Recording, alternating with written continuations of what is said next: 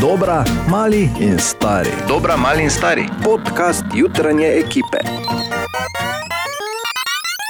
Še enkrat dobro jutro. Dobro Dobro jutro. jutro. Eh, Dobrodošli. In ko sem malo listal po naslovih danes zjutraj, eh, ne si misli, tudi 9. januar je svetovni dan nečesa. Seveda. Vedno je, vsak dan je. Uh, večina, po večini, seveda, neumnih stvari, ampak uh, danes pa moram reči, da je danes mednarodni dan, med drugim, seveda, očisti svojo delovno mizo. Oziroma, mesto, pardon, delovno mizo. Očisti svoje delovno mesto, in če bi zdaj mi praznovali ta svetovni dan, kaj je najbolj nenavadna stvar, ki jo imaš trenutno na svoji delovni mizi? Gremo. Hm. Ana, Najbolj nenavadno, po mojem, stembič. niti, niti ne za tiste, ki te poznajo. No, Dobro. ja. Katja, Snežak in škrat. lepo. Ta par, ne, ko sta šla snežak in škrat. Ja. Ali pa, ko ste se menili zjutraj, kako pa je bilo pri tebi, čuješ snežak, pa škrat sta prišla. Joj, no. Jaz imam pa uh, neke frasove listke, zelo nenavadno. Ne morem prebrati, kaj gor piše, ker bi si ljudje v Markotu slabo mislili.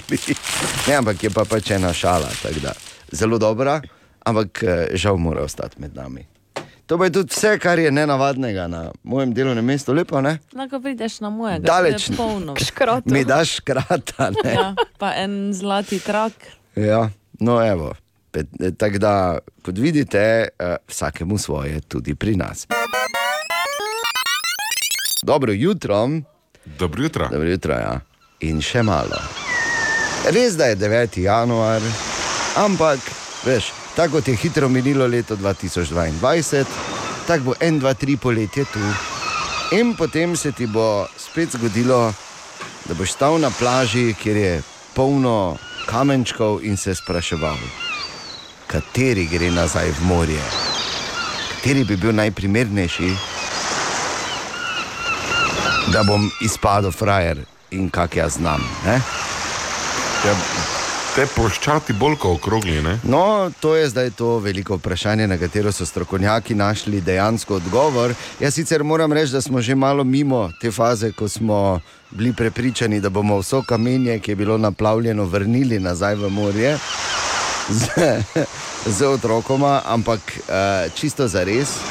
Zdaj so ugotovili, kateri kamen je najboljši za metanje in zgleda najbolj kul. Cool. To so kamni, ki so oblikovani oziroma oblike krompirčka oziroma krompirja. Čeprav se gladki pravijo, čeprav se gladki bolj odbijajo, pa ti, ki izgledajo kot krompir, dobijo večjo višino in imajo bolj impozantno ali pa uh, bolj uh, figuro za opaziti v zraku, ko letijo proti vodi. Tako da znanstveniki so rekli, kamne v obliki krompirja, uh, prišli pa so do, pravzaprav, do pravzaprav te, uh, tega dognanja, ko so uh, nekaj računali in iskali boljše in varnejše načine potovanja po zraku. In so vmes še, ja, in so vmes še pač rešili to, ker je kamen. Hmm. Ok, torej kot smo slišali, v obliki krompirčka. Ok. Tak, evo, ker vem, da ste to rabili, ker 9. januarja, če si pameten, malo že razmišljaš o poletju. In ja, spet čas, da osmislimo čakanje na ponedeljek, mnogi smo ga komaj čakali, res ravno zaradi tega. Horoskop za ta teden, Katja izvoli. Oven, nagrajeni boste. Velika verjetnost je, da boste sami prepoznali to nagrado in pohvalo že zelo kmalo. To bo tisti vpliv, ki vas bo nagovoril in dal novo upanje. Čeprav se bo zdelo malenkostno, bo imelo za vas veliko večji pomen. Pik, počasi je zagotovo, to bo vaša mantra v naslednjih dneh. Pred vami je obdobje, ki vam bo namenilo veliko pomembnih lekcij. Bodite pozorni na svoje občutke in na situacije, v katerih se boste znašli, saj bodo za vas izjemno pomembne. Dvojčka, težje se boste odločili, komu bi namenili svojo pozornost. Vsekakor bodo drugi bolj pomembni in tako boste hitro pozabili na se in na svoje potrebe. Vas pa ta teden čaka odlična poslovna priložnost, če jo boste le uspeli zaznati. Rak. Zaključki so skoraj še bolj pomembni kot novi začetki. Sami se tega še kako dobro zavedate. Veliko svoje energije boste tokrat usmerili v zaključevanje nekih rutinskih zadev in obveznosti. To vam bo prineslo tudi novo odskočno desko za okrepitev zdravja. Lev.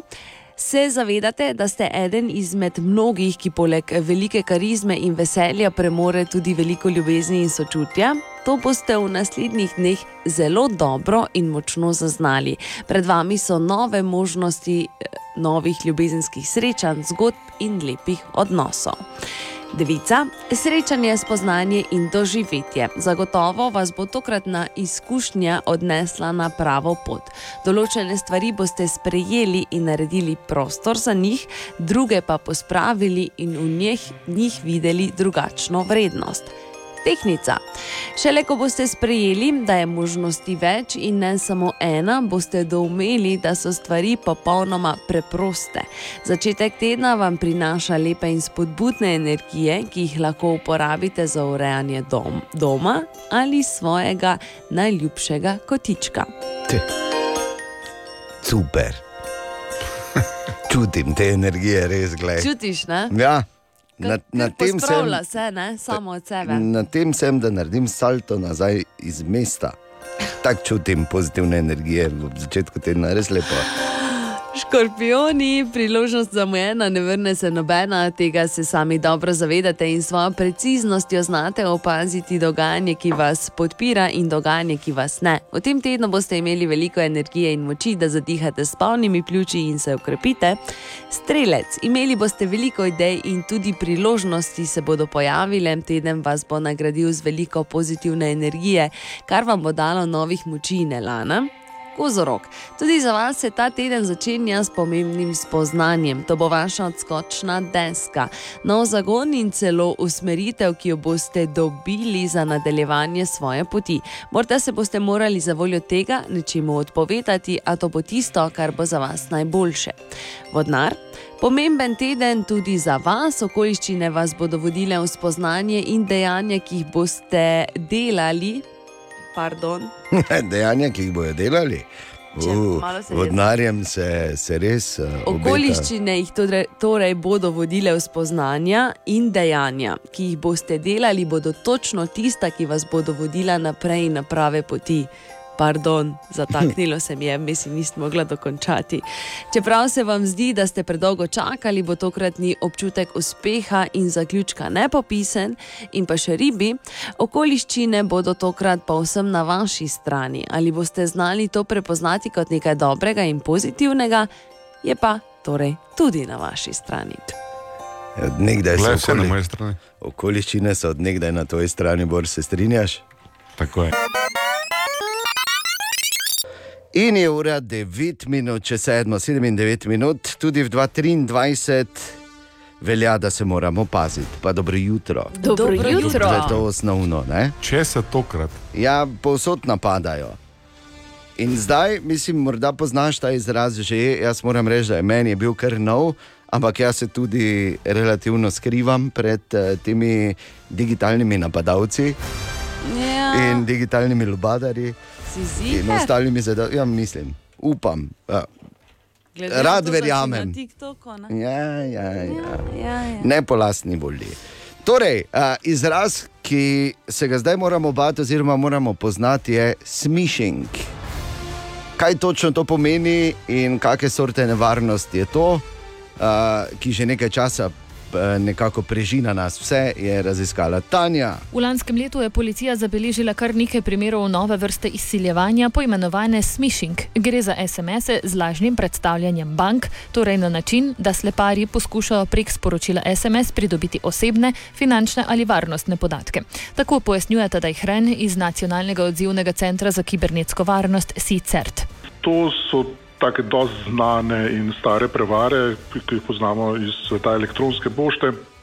To so lažna sporočila, ki nas pod krinko, ne vem, da je treba nekaj urgentno narediti, nekaj hitro ukrepati, drugače se bo nekaj čudnega zgodilo. Nas hoče prepričati, da mi kliknemo na povezavo v sporočilo in ta potem pelje na neko spletno stran, ki izgleda kot spletna stran neke storitve, ki jo mi uporabljamo. In zdaj, če mi na tej strani upišemo svoje uporabniško ime, pa geslo za dostop, ne, s tem jo pravzaprav sporočimo napadalcem.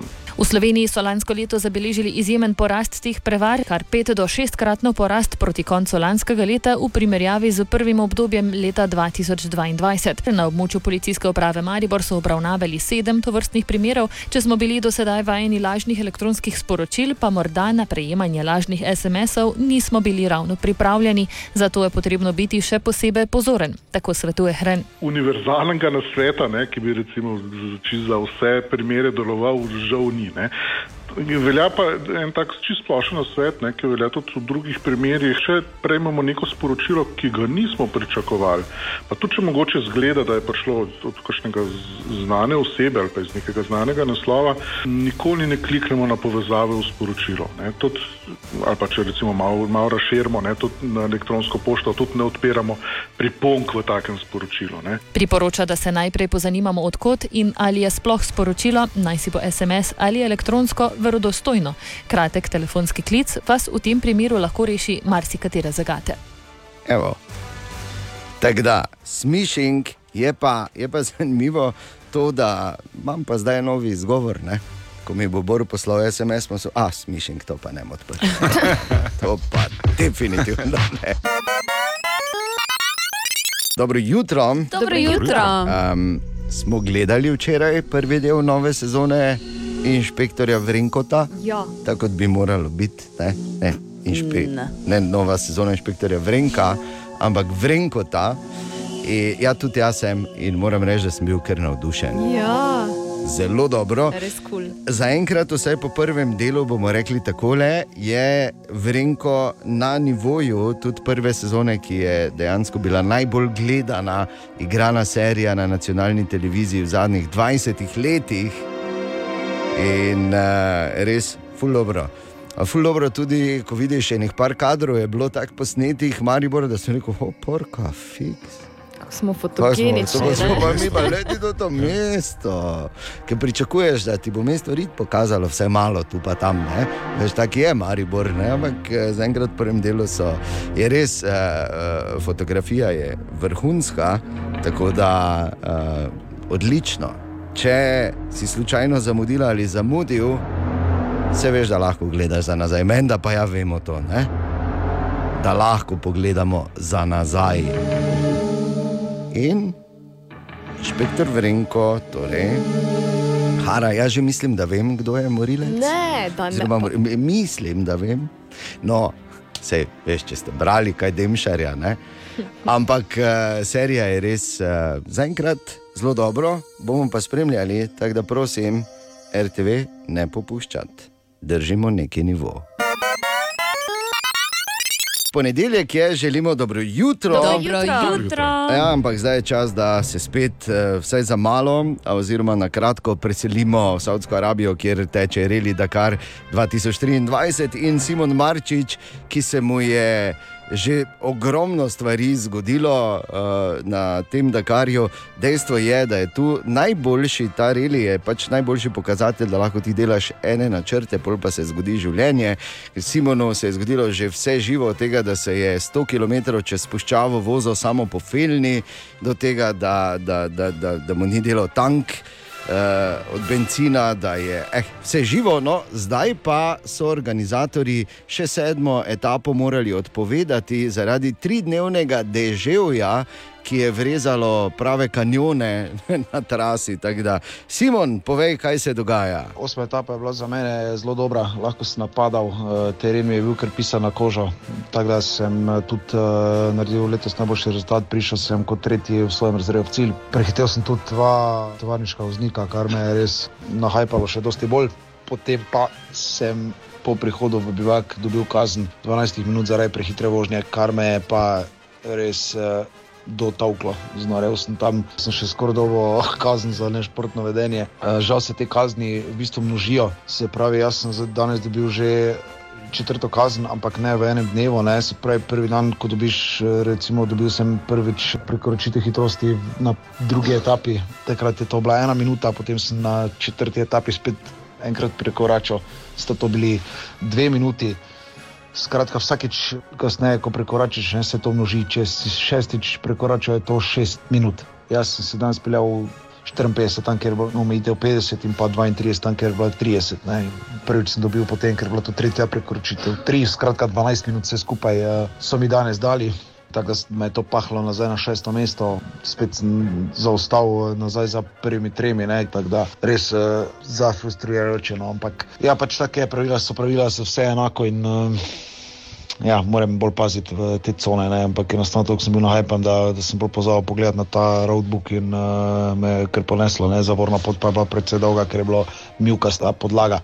Drugač pa sama etapa danes spet zelo dolga, 850 km, da si malo boljše znate predstavljati, kako to zgleda. To je približno tako, da bi se jutro v Mariboru recimo vsedel na motor pri sedmih stopinjah v dežu, se pelal do domžal po avtocesti. Tam si dežne cote dal dol, jih dal na kamion, ki ti jih popelje v bivak, potem pa po terenu dirkal recimo do Salzburga, tam je 350 km, tam potem si dal gor uh, tanki dežni anorak, ki, ki si ga imel zadaj v žepu v jakni, pa se po avtocesti pelal nazaj v Maribor.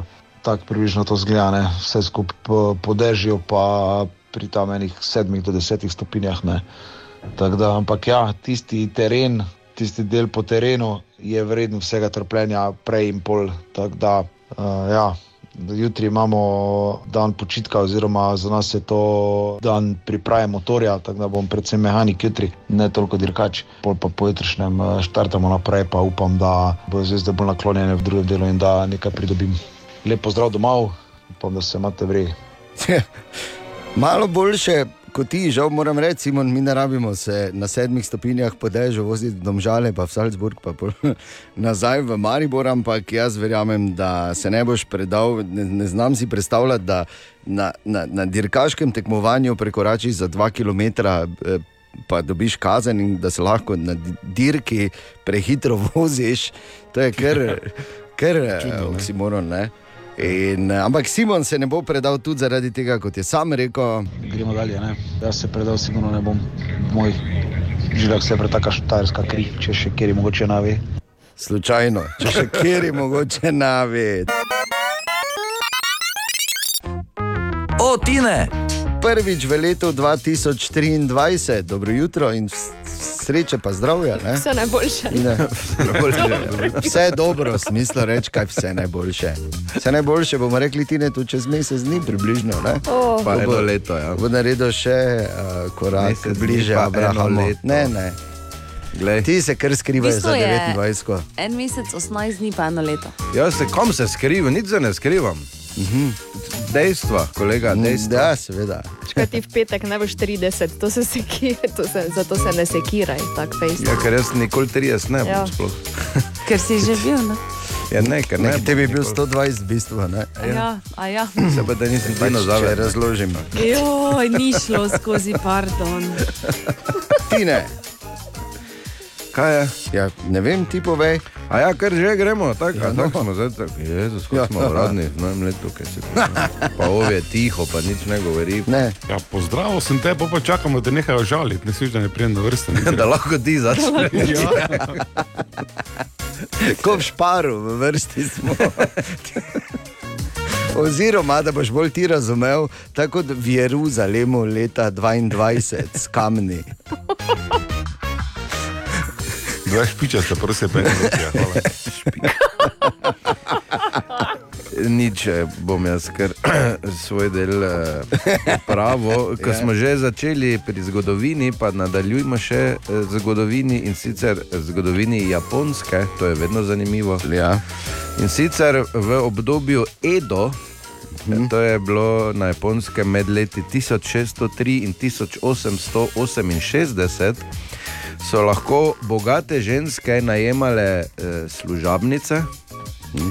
Ki so jih imele samo zato, mimo grede, imenovali so se te služab, služabnice Heo Ibikuni, ki je samo da preverim, Heo Ibikuni. Ja. Uh, in te služabnice so služile samo enemu namenu in sicer, da so lahko, kako bi zdaj to rekel, pač njih so obtožile za svoje prce. Ona je bila. Ona je bila. In to več, so jih imela naenkrat Ja, kaj. Ja, odvisno, koliko so fižola. V vsakem prostoru, ne? pa pol še v kočiji. Pa... Čakaj, ona je samo bila za to, da je bila Ona je bila kriva. za to, da je bila kriva, Pa ko se, je gos, ko se je Ja. gospodarica vsrala po domače. Vse, kaj, kaj je morala znati, prvo morala je imeti cajt, ne, vse, pa vse, kar je morala znati, je bil ta veš gib. Eh, pardon, kaj češ ne. Šlo mi je, pardon. Wasabi. In še ena novost v letu 2023, ki ti bo prišla prav, če veliko delaš, da nimo z Googlovimi dokumenti. Po novem ne rabiš več stokrat klikniti, ampak samo v URL okno vpišeš docs.new oziroma sheets.new, odvisno kaj pač rabiš, in ti avtomatsko odpre novi template. Tako da ne O. rabiš iti več drive, pa ne vem kaj, pa sem pa tja, ampak tam gori v naslovno vrstico, samo napišeš, če O, rabiš dela. dokument. Ja, dela, ja. Kaj napišeš že? Docs.new kaj si gluha? Pa nisem si zapomnil. ali docs.new, ne šic je v bistvu Excelova, ne to Dog bila. snit za DOGS, ker nočeš imeti novih pesov, ampak DOGS. Hvala, Ja. ja. res, Ja, mislim. pač Res je. veseljem Nimam niti. To je, pač, to je pač ta druga realnost, veš, ti moraš vedeti, Boris živi oh. v tistem oblaku tam zgoraj in mi smo v bistvu samo Ja. ja. lava. Ja. Spodaj, ja. Tu ima sta lava, ne, tako da v tem. Ampak ja, da, zanimiva malo. prešava. Dejan pika delete. To še pa na dela, gled. Ne, na dela, ne. Veš kaj pa dela? Pa Dejan pika mute. Ne, Kaj te pije? dela pa dva za bor.off, hop, in ga ni več. Veš, kako je tiho, lepo, ne? Kako se lepo spremeni. Vseeno, nekatere želje pa se uresničijo. Dobro jutro. Dobro jutro. In kaj, eh, kateri so tisti naslovi, ki se jih vsi, ki se radi kaj poigrajo na digitalen način, lahko recimo v eh, prvem polletju 2023 veselimo. Prvi eh, pride že 24. januarja in sicer Forspoken, eh, ki naj bi, bil, naj bi bil naslov, ki bo, tako vsaj pravijo, kar precej razburkal igričarske vode, se naj bi združil najnovejše tehnologije uh, z pravimi umetniškimi stvaritvami v grafičnem in vsebinskem smislu. Pa da vidimo, torej 24. Forspoken, ok. Forspoken. R-S-P-O-K-N, ok. Hvala, Bor, Napisano? da Ja, ja, ja. črkuješ. Lepo. Potem februarja prihaja, to mi je sicer misterij, da so uh, igre na temo Harryja Potterja uspešne, ampak Res? ja, Hogwarts Legacy eh, je nov naslov iz univerzuma Harryja Potterja, v njem, v njem ne nastopa Harry Potter, niti noben od teh, ker se dogaja veliko prej.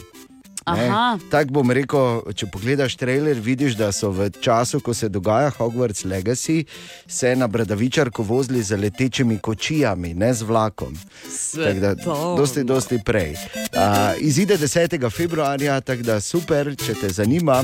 Potem 17. marca pride nadaljevanje uh, serije Star Wars, uh, Star Wars Jedi Fallen Order, je bila prejšnja, zdaj pride nadaljevanje Star Wars Jedi Survivor.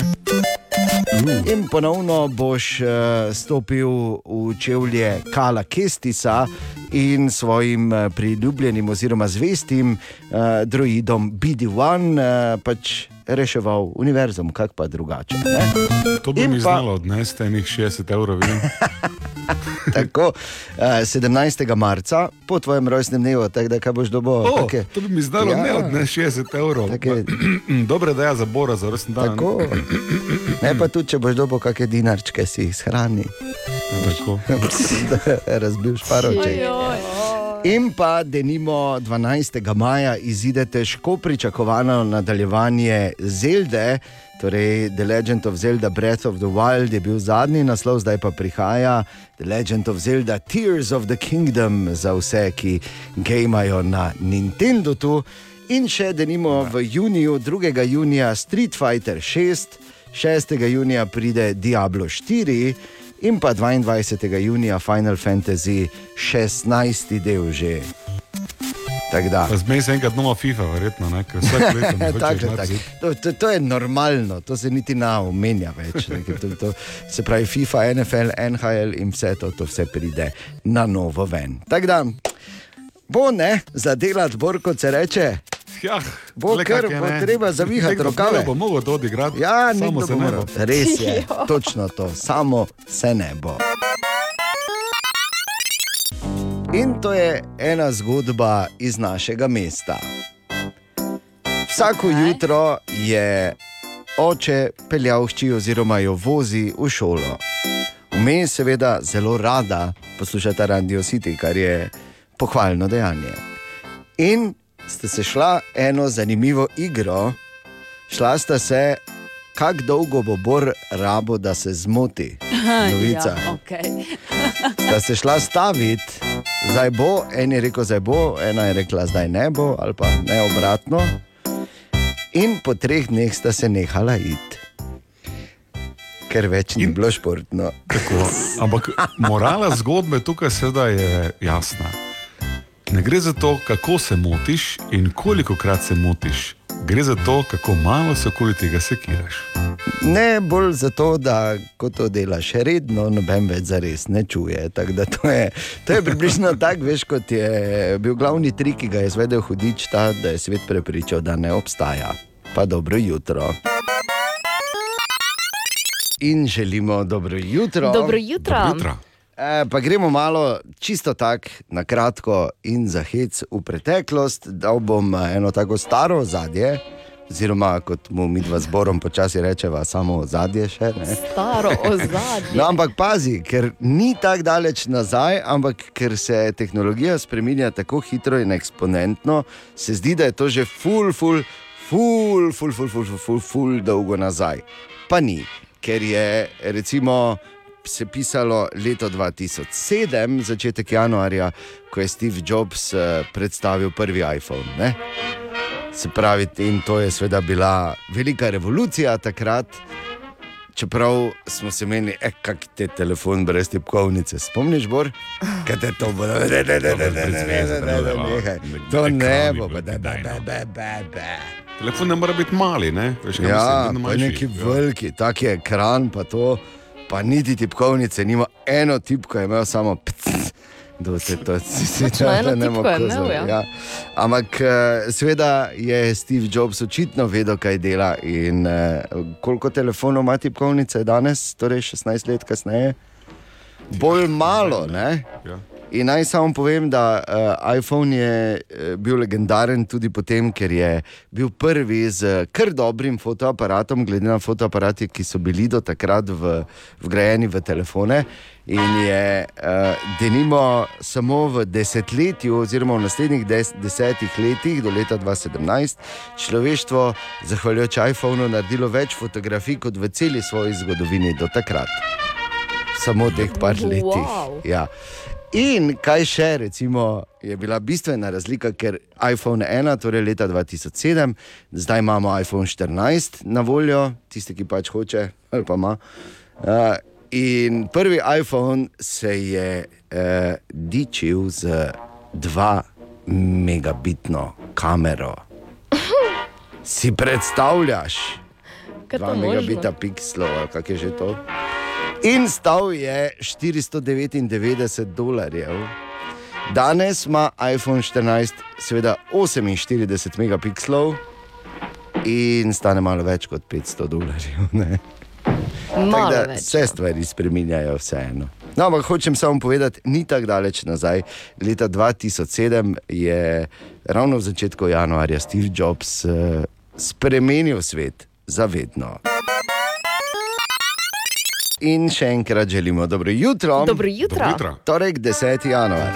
Pomemben dan za ljubitelje britanske monarhije, za ljubitelje zdrah ali pa uh, seveda vsega tistega sočnega, ko pravijo, da je meso pri kosteh najbolj sladko, zato tam najraje glodajo. Danes izide težko pričakovana biografija princa Harryja, imenovana Spare oziroma Rezerva.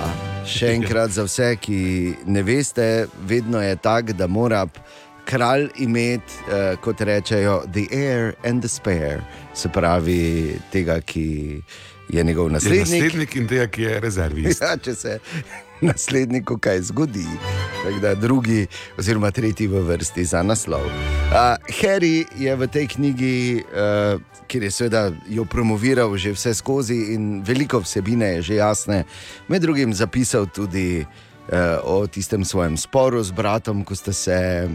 Ko je bil Viljem Baje celo pijan in ga je potisnil in je padel na pasjo skledo in si je poškodoval hrbet.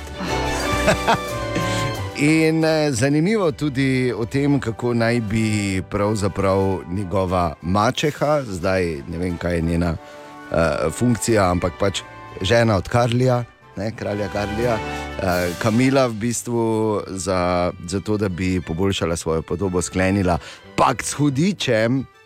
Hudič je v tej zgodbi, seveda, tabloidski tisk v Veliki Britaniji oziroma v Angliji, in da naj bi prav njega in njegovo ženo vrgli eh, pod kolesa, samo zato, da bi pač se ljudje ukvarjali z njima in ne več toliko s kraljem Karlijem in eh, Kamilo. In seveda še ogromno tega se bo dalo za prebrati, to bo zagotovo bestseller. In tema debate v številnih pisarnah v, v tem tednu, sicer še ne izide, mislim, da vsaj ne no, v slovenščini, ampak verjetno bomo kmalo lahko to uh, prebrali, uh, tudi če seveda ne razumeš ravno tega višjega jezika, kot ga imenujejo tam. Me zanima, če je noter napisal tudi kaj o tisti pustni zabavi, ko se mu je zdela ful dobra ideja, da se obleče v Hitler-Jugend uniformo in da tako Tega se ne vem, ojoj. Ja, ja, ja, seveda. In ogromno tega. No, bomo videli, oziroma prebrali je pa zagotovo noter tudi poglavje o tem, ko je pač eh, služil svoj, eh, svoji domovini in eh, naj bi kot pač pilot bojnega helikopterja v Afganistanu ubil 25 eh, talibanskih bojevnikov. To je seveda super zgodba, ker on ja. pravi, da ne moreš nobenega ubiti, če ga gledaš kot človeka, zato so ga v vojski natrenirali, da gleda na te kot others, druge. Jo, K- jo, bor. Bravo. Jo, bor, kak ti to, jo. No, bo, mislim, če kdo bo bor prebral, tako da pričakujemo kmalo poročilo. In čas bo za kar kul ali kar slabo, se veš.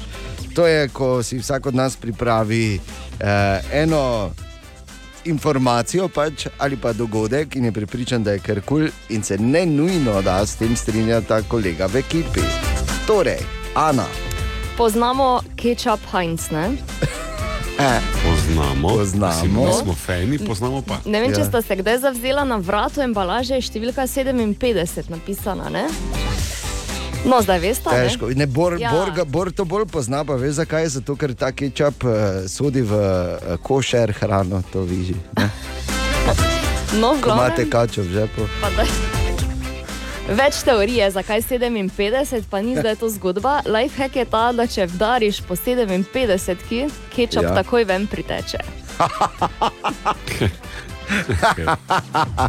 Ne rabiš ga Dejansko. tresti in šejkat v zraku, vdariš po 57 in je kečap ven. Da ne. To bi jaz označil za krkul, ne? Krkul. ok, Bor. Uh, imam novi predmet poželenja. Samsung je dal ven The Premier, to je projektor, ki meče sliko na steno iz borih 30 cm, naredi sliko veliko 4 metre. To, kar je slabo, ne, je, da je cena verjetno v rangu 12 ur, niso še objavili, 8K projektor je, nikoli ga ne bom imel, ampak bi pa to, a ta imel, kako to gledamo. Že zaradi tega in tvojega navdušenja Ja. moram reči, kar kul. Kar kul, ja. Je pa res, da so na CESO, to pa moram reči, zmagali pri LG-ju tudi zaradi tega, ker so dali ven. Uh, on je tak televizor, ki veš, vso kablažo pa to pospravi v, v neki ladl, ne, ker ne rabi biti mm. zraven, ne rabi biti dejansko nič uh, priklopljeno, zato ker vse gre po, po luftu. Ne. Po luftu. ja, no, vse je na, ne, po, pač, Wi-Fi ali ne, se ne vem, niti nekako imajo. Vem samo, da je tista enota, kjer not napikaš stvari ločena od televizorja. Uh, no, uh, in moje, ker, ker jaz mislim, da je kar kul cool dejstvo in skoraj prepričan sem, da bo palec gor da v bor.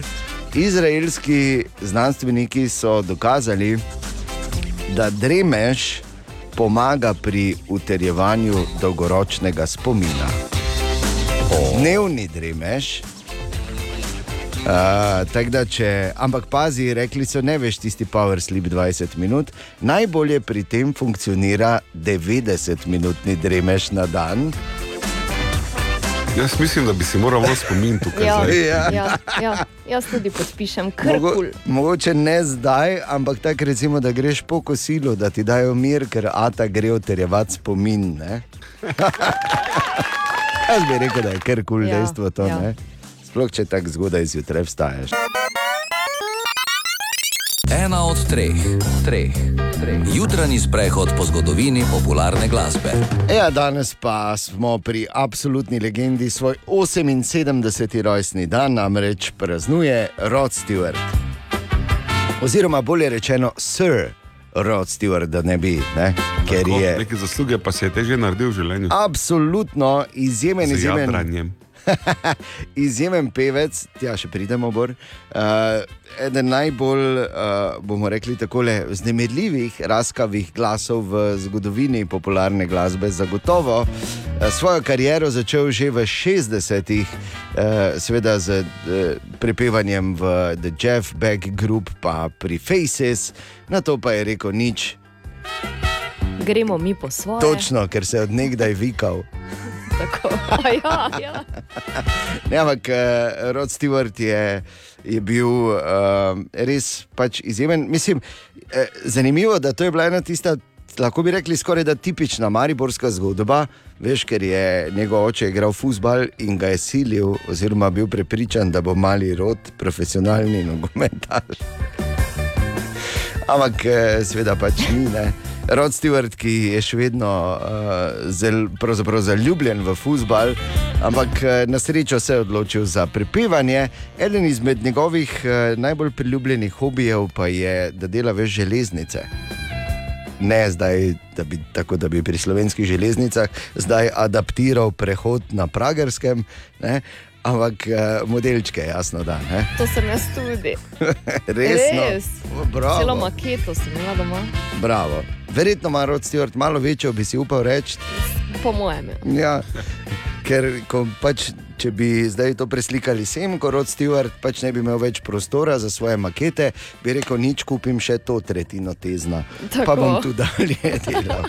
Ampak izjemne, izjemne hite je v svoji 50-letni glasbeni karieri nanizal Rod Stewart, hite kot so denimo Do You Think I'm Sexy?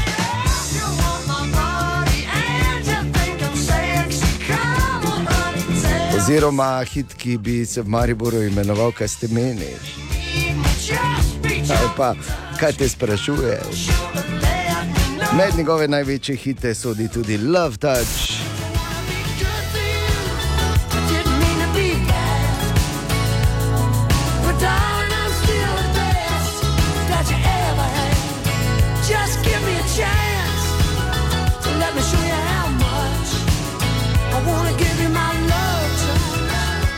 In pa jasno, da kot je Bor že omenil, eh, čudovita balada Sailing.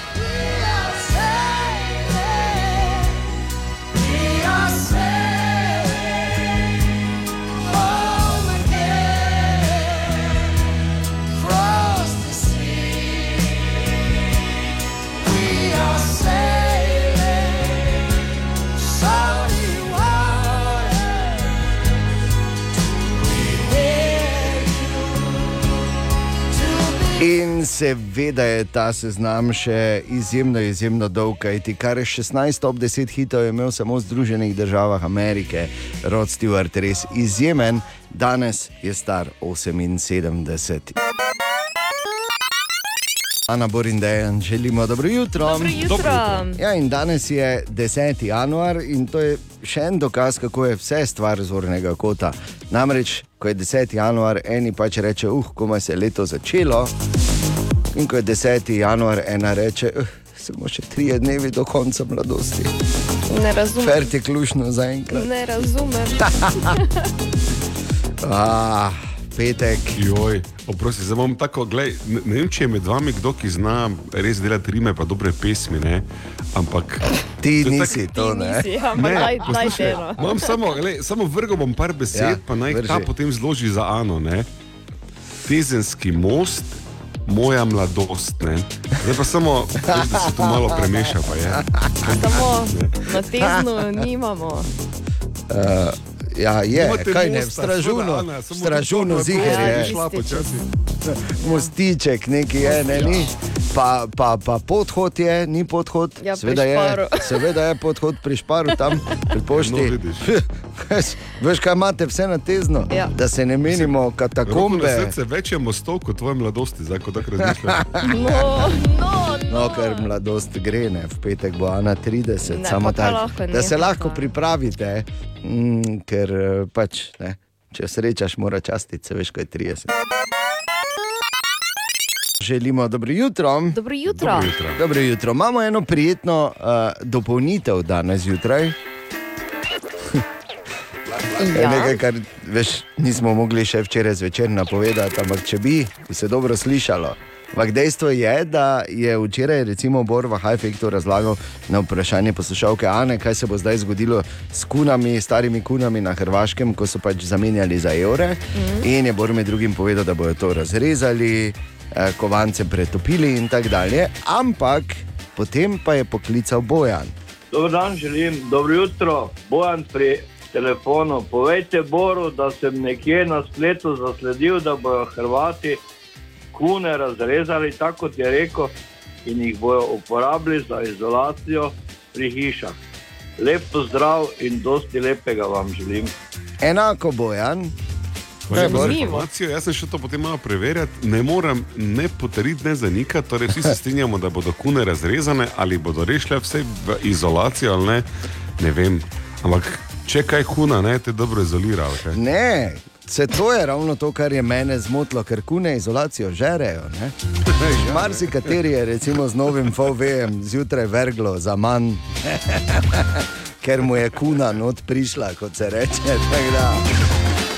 E, mislim, lepo, da bodo na tak način, če bodo reciklirali. Jaz bi v vsakem primeru bil previden, uh, ker vemo, kuna je sicer lepa in izjemno bistra žival, ki pa zna biti eh, resna nadloga.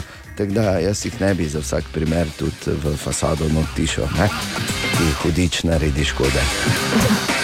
Po nepotrebnem. Po ne, pa sam siliš nesrečo. Želimo dobro jutro. Dobro jutro. Dobro jutro. In med listanjem po zanimivih naslovih sem naletel tudi na tega, kdo kupuje hotel Piramida v središču Maribora. Kaj je že čas, da poveva, Bor? Želimo dobro jutro. Dobro jutro. Dobro jutro. Torej, našli smo en seznam, uh, seznam najbolj kul cool igralcev vseh časov. Mimo grede, tudi na našem Facebooku smo zapisali, kaj ti misliš, kdo je zate. Pa, kar napiši, pa bomo kasneje malo primerjali oziroma naredili, naredili uh, navskrižno, uh, navskrižni pregled našega seznama in uh, eh, tega, kar pravite vi. Sicer pa gremo najprej pogledati na tem seznamu. Uh, je najbolj kul cool igralec vseh časov John Wayne. Zanimivo. Ne? Najbolj okay. legendarni kavboj vseh časov, sledimo Robert De Niro, potem Harrison Ford, Sean Connery, Jack Nicholson in James Dean, to je recimo ta prva šesterica. Zelo zanimivo, uh, pač eden od teh številnih seznamov, ki so, ampak če se že menimo, Ana, kdo je zate najbolj kul cool igralec vseh časov? Dwayne Johnson. Vedno bom rekla njega. Ker je pač um, zelo simpatičen. Lepo telo ima pa to, ne? Pač ni moj tip moškega, ampak je res je simpatičen. Dwayne Johnson. ja. Ok. Ja, dobro, gledaj, Kaj pa ti? Ja, definitivno ni Dwayne Johnson. ja, pa bomo. Jaz bi dal na seznam najbolj kul igralcev vseh časov, tudi našega Tineta. Ne? To tak in tak. Naš Tine je zagotovo. Uh, ampak dobro, to, je, to sem malo pristranski, zato ker je, ga seveda poznam. Uh, ampak uh, jaz ne morem mimo Breda Pita. Ne? Jaz se upravičujem. Od ampak... vseh breda pita. ti, Ja, ali kaj? ja, ja, ja. Pa da ne bi ti kaj reči- Bonda ven potegnil ali kaj takega. raje. Pa se Daniel Craig tudi absolutno, ampak uh, Daniel Craig mi je najbolj kul cool vseh James Bondov zaenkrat, pač, moram priznati, ampak uh, jaz bi Breda Pita dal tu vsaj med prve tri, no, gor. kaj pa Tibor? Ja, jaz sem pa samo enega, v bistvu, ker je, Ja. res je po eni strani ogromno igralcev, pa sami dobri filmi. Ja. Sem omenil recimo eh, Scent of a Woman iz 1992, A, Al leta, Pacino. v katerem Al Pacino igra upokojenega uh, mislim, generala, če sem pač rekel. Ja, ki je slep, tam, ne? Ja. Ki je slep, ja. Res je izjemen Tako film. kot igra, tako karizmatično, tisti govor pove, da on je za ta meni v vrhu. Ja, je tudi. Ja. Ne vem, zakaj ni na tem. Vse v bistvu je, so taki seznami brez veze, moram reči. Jaz imam same ja. Probleme. Potem, to je isto, kot da bi Ja. rekel, zdaj pa tvojih top 5 najboljših uh, uh, hitov vseh časov. To je nemogoče, je mi narediti ta seznam. Mm. Tako da uh, naj bodo prekleti vsi, ki delajo te sezname in mi delajo probleme. Se potem kregam sam s sabo v uh, moji glavi, ker je tako, tako velika zmeda večkrat. Ampak kaj pa praviš ti na našem Facebooku, najbolj kuli cool igralec vseh časov, po tvojem mnenju? O, Tine! Ja, Tine, dobro jutro. Dobro jutro. Dobro, Dobro jutro, jutro. Slišal, da sem te dal na seznam najbolj kuli cool igralcev danes zjutraj. Ja, budl, kaj te stava. Vidiš zaradi tega. Kul cool sem, samo igralec boš. Okay. Čist drugače kot pri Boru, ki je ravno obratno. Igralec. Jaz To bi pa. pali na radio, da si tiho, bor. Ja, če se strinjam, Ana, mislim, Ja, okej. Ja, te pa reči, da govorijo, če me hvalijo. ja. kaj mislim. Redek, ne, redek moment je in pa čakam, če bo ga pohvala, že padlo zraven. ja, dober igralec si bo. Dober, dober. Hvala, Rina, hvala. Žal nisi tako kul, cool, kot si misliš. Iz ust kolega je to vedno pohvala. Ne. Je, je. Jaz bi pa, veš, koga bi jaz dal na spisek. Sicer ni samo igralec, je tudi pevec, no, pač oboje, ampak je že vzdevek je imel Mr. Cool, ne, tako da bi skoraj da mogel biti kul, cool, ne. Uh, gospod uh, Dean Martin. Ne. Hmm? Ker on pa je bil kul, cool, ne. On pa je bil, ja. pa tudi uh, liter uh, Jacka je potočil vsak dan, so rekli. Ne? Ja, pa je kul cool, cool zgleda ob tem, ko je spil to. Kaj te vem, ampak dobro. So pa bili to eni drugi časi tam v 50 in 60 letih. Recimo Jonah Hill je full dober, pa zabavno, on, on recimo ni kul. Cool, Ne. Ali pa uh, Seth Rogen, recimo. pa Ne? se droge. Tudi. Je pa uh, Indiana Jones kul, cool, ne. Harrison Ford je na tistem seznamu bil na tretjem mestu. Ja. Valjda, da je Bi bil- pa rekel, uh, če se vrnemo samo en korak nazaj, je pa izjemno kul cool film Super Bad še vedno. Da, ker uh, je McLaren. ampak se pravi, ne? Kaj tako se menimo, zdaj resno, ne? ker Nikolas Cage je prišel na ta seznam naš. Ne. Ne, Nikolas Cage, oprosti. Ker on, on je pa posebno kulno. Ne. Ja. Rekel? Ja, ampak, Posebno, bo, pustimo Ker pri on je tako ne kul, da je že kul. pika. ne. ampak moram pa reči, da, da pa pričakujem in kar težko en eh, njegov nov film, ki bo čez par mesecev prišel ven. In sicer je to film Renfield, kjer uh, uh, je zgodba okoli tega služabnika, grofa Drakule, ne, iz uh, originalnega se veš, ne, to je tisti prvi odvetnik, ki je šel tja in bla bla. A, Samo da je Drakola, ne. In ne, Nikolas Cage igra Drakulo. Ker res komaj čakam ta film, bo res, zanimivo, res. ja. Ja, Samo se- da je Drakola. Trailer je že zunaj, bi Renfield ga je naslov. Deni Devite špila, Verjetno samo da je. Drakola. to je skoraj tako, da bi ga jaz. Kaj imamo danes, Tine? E, torej, e, en razlog več, je, zakaj je fajn e, biti Parižan. Ja. To zdaj pač, če, Parizu, če, ne? poleg tega, ne. To je iz muca maca, je spanka, prav mača pa če vam to kaj pomeni, ne, zdaj jaz recimo Spala bi, če bi se dalo do večerja in še malo. In je kranil. ne, kaj ne. 94 odstotkov Parižanov Ja. živi manj kot 5 minut stran od pekarne. Ja. Tam so nedolgo nazaj tudi, mislim, da zaščitili bageto. Ne? Ja, da je to točno. prav uh, nacionalna jed.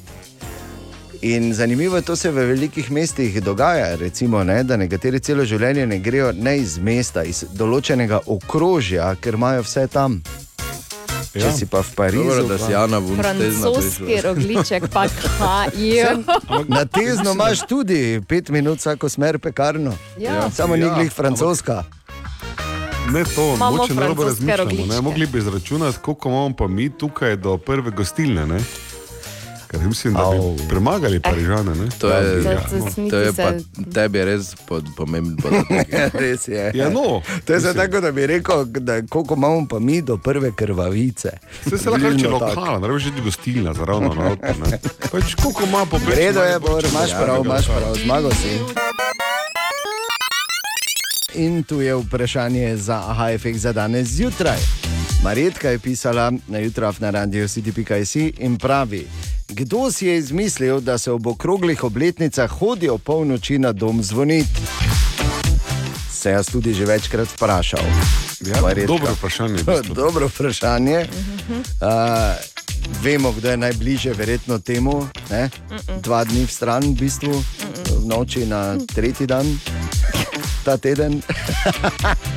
Ampak ja, oh, ena od bolj. Eh, da moram tako reči, Potrebnih stvari. bednih, pravzaprav.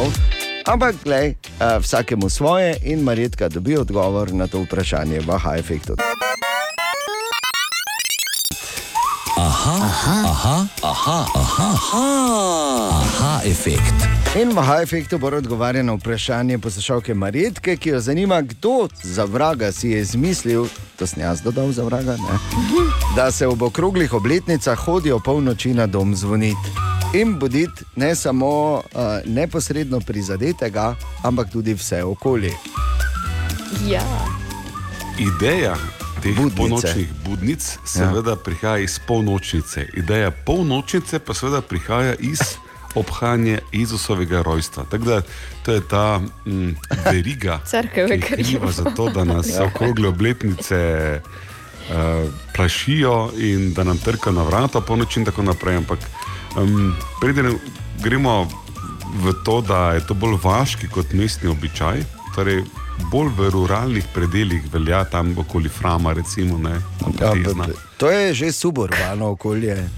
Pa kdo je imel budnico iz centra mesta, samo če bi se spomnili? Ja, se vem, ne? In, kdo jo eh, bo imel v novi vasi, v bistvu čez dva dni pa pol ne. Ampak, če se odkrito pogovarjamo, te budnice ne, so prišle na zahod iz vzhoda. E, tradicija polnočnih budnic na predvečer Božiča je nekaj, kar je kristjanka po imenu Egerija pravi izročilo prenesla verjetno um, iz vzhoda, najprej v Španijo. In potem se je to razširilo po Evropi. Ta Egerija je bila romarica iz 4. stoletja, tudi Eterija je pravijo, a je Ajterija, ki je obiskala številne svetopisemske kraje in ona je popularizirala to, da se naj gre spat, ampak da se do polnoči čaka. Ne, Da se muči da- Da se ga ne? biksa, ne? da se ga biksa. No, je, ne, od začetka je bilo samo tako, da so samo hodi, hodili, pa molili, pa, pa držali nek nivo. Pol pa je slučajno bil eni štajerski, enkrat zraven, ko so šli, pa je rekel, kaj je. Da, nekaj, da ne bomo nekaj imeli. Da, nekaj zdrav, da, suj. Pa se je začelo, pa je šlo ni zbrdo, tako da. Ana fajn se meji čez dva dni, pa pol. Ali tudi vi pogosto tavate v temi? Aha, efekt, da boste vedeli več. In želimo dobro jutro. Dobro jutro. Ja, tudi danes smo tu, Ana Borindejan, in eh, lepo, da se eh, tudi na ta 10. januar prebujamo skupaj. In lepo, da ohranjamo te lepe navade tudi v letu 2023, ker tudi ko nas tri pogledam, se ni kaj veliko spremenilo. Ne? Ne. Je tako, Bor? Zakaj si se v lamp Ja, pogledal? tako si potipal, si je trebušček si. Ja, nekaj pa se je spremenilo, ne? malo pa smo bili pridni čez praznike, kaj ne? Ja, lega bušija. Okay, pi- ja, tako je to izgledalo. Ja, ok, vzamemo. Privzamemo, da pač nismo Zaporov normalni. notranji glas. Ja, tako, zdaj ste ga slišali po vseh teh letih. Pa dobro jutro. In želimo dobro jutro. Dobro jutro. Dobro jutro. Veš, ko se ti večkrat zgodi, da imaš uh, ne vem, sorodnika, sodelavca, kogarkoli, ki naredi nekaj, da pogledaš v nebo in rečeš: O moj bog. Tako pogledaš gor. Ne? No, v letu 2030 2023 se ti pa vseeno lahko zgodi, da bo ta pogled gor bolj zanimiv, kot je bil recimo v zadnjih nekaj letih. Kar nekaj zanimivih uh, nebesnih pojavov bomo imeli. Nuša, izvoli, povej. Ja, letos bo na nebu zelo pestro. V kratkem bomo namreč lahko uživali ob prizoru, ki se zgodi enkrat na 50 tisoč let. Zato sem se pogovarjala s profesorjem dr. Igorjem Žibernom, ki mi je razkril, katera bo ta zanimivost, ki bo na nebu vidna že v tem mesecu. V bistvu nas zelo zanimiva predstava čaka že v prvem mesecu. Gre za zanimiv pojav, ki smo ga lahko spremljali praktično že večji del eh, decembra in sicer lahko trenutno na eh, jutranjem eh, nočnem nebu opazujemo komet C2022 E3 ZTF, ki so ga v resnici odkrili eh, 2. marca leta 2022. Sprva so domnevali, da gre za asteroid, ko pa se je telo malo bolj približalo Soncu, se pa je okoli tega telesa napravila koma, kar je bil dokaz, da v bistvu gre za komet. Zanimalo me je tudi, kdaj bo najbolj viden in kaj ga dela tako posebnega. Komet bo zanimiv za opazovanje tudi zaradi tega, ker bo viden od nekje sredine januarja naprej, praktično celo noč. Okoli 30. januarja bo potoval mimo Severnice, Zemlji se bo pa najbolj približal 2. februarja, ko bo ta komet postal celo svetlejši od 6. magnitude, kar pomeni, da bo na temni lokaciji viden tudi z prostimi očmi. To pa ni edina posebnost letošnjega leta, čaka nas veliko presenečenj in spektakularnih prizorov, mi pa jih bomo pridno spremljali. No, in vas opozarjali, in vam povedali, kdaj pogledati. Jaz upam, da mi bo tokrat uspelo, ker jaz nikoli nič ne vidim, ko je karkoli, karkoli gori. Ko vsi zaterjujejo, vse se vidi s prostim očesom. Ja. Ne z mojim. Jaz so ne komete še kar vidim. Ne? Ampak Komete, Ja, ja. Kam pa gledaš kakšne zapomniti, ja, ne. komete, Ja, misliš takrat utrinke, pa te mislim, perzeide. ja, ali Kaj pa razlika med utrinkom in Je kometom? Pač malo je- manjši je, je- ne zgori noter. Ja, Ja, ni vem, res. glej, okej, Komet gledaš tak, ne, in je gori. Ja. Dobro, utrinke zvezdne. Vodo se reči, da to, kar bomo si zapomnili iz današnjega predavanja profesorja Žibrne, vedno zelo hvaležen za te podatke. Absolutno. Da ko si naslednjič v družbi, rečeš, ampak veš kaj, to je bilo pa res svetlejše od šeste magnitude, ne? Ja, Ja, smo bilo malo s svetlo, prostim ne? očesom gledali. Ne? Prostim Dobro, očesom gledaš. z našo srečo smo ga gledali v rit, ampak glej, smo ga pa gledali, ker je bil le od šeste magnitude. Ne? Tako, tako. Ja, ja, ja. Želimo dobro jutro. Dobro Dobro jutro. jutro. E, dobil sem eh, eno sporočilo eh, poslušalca in sicer je pisal Matjaš, ki mi je napisal, da želi seveda vsem dobro jutro, pa srečno novo leto še za nazaj. In da, da pač je taki zelo počasen torek, in zato so si v pisarni zaželeli, in če bi lahko mi bili eh, taki asi, točno tako je napisal, da bi zavrteli majster song, pravi, da to je edino, kar jih lahko danes dvigne, ker se vsi praktično po podu vlačijo, tam so delavci, ne najdejo energije. In če smo, kaj smo tu zato, da pomagamo, je tako. Tako. Radi pomagamo, tu smo za vas vse skozi, tudi v takih situacijah, eh, kot jo je opisal Matjaš. In tu je majster song.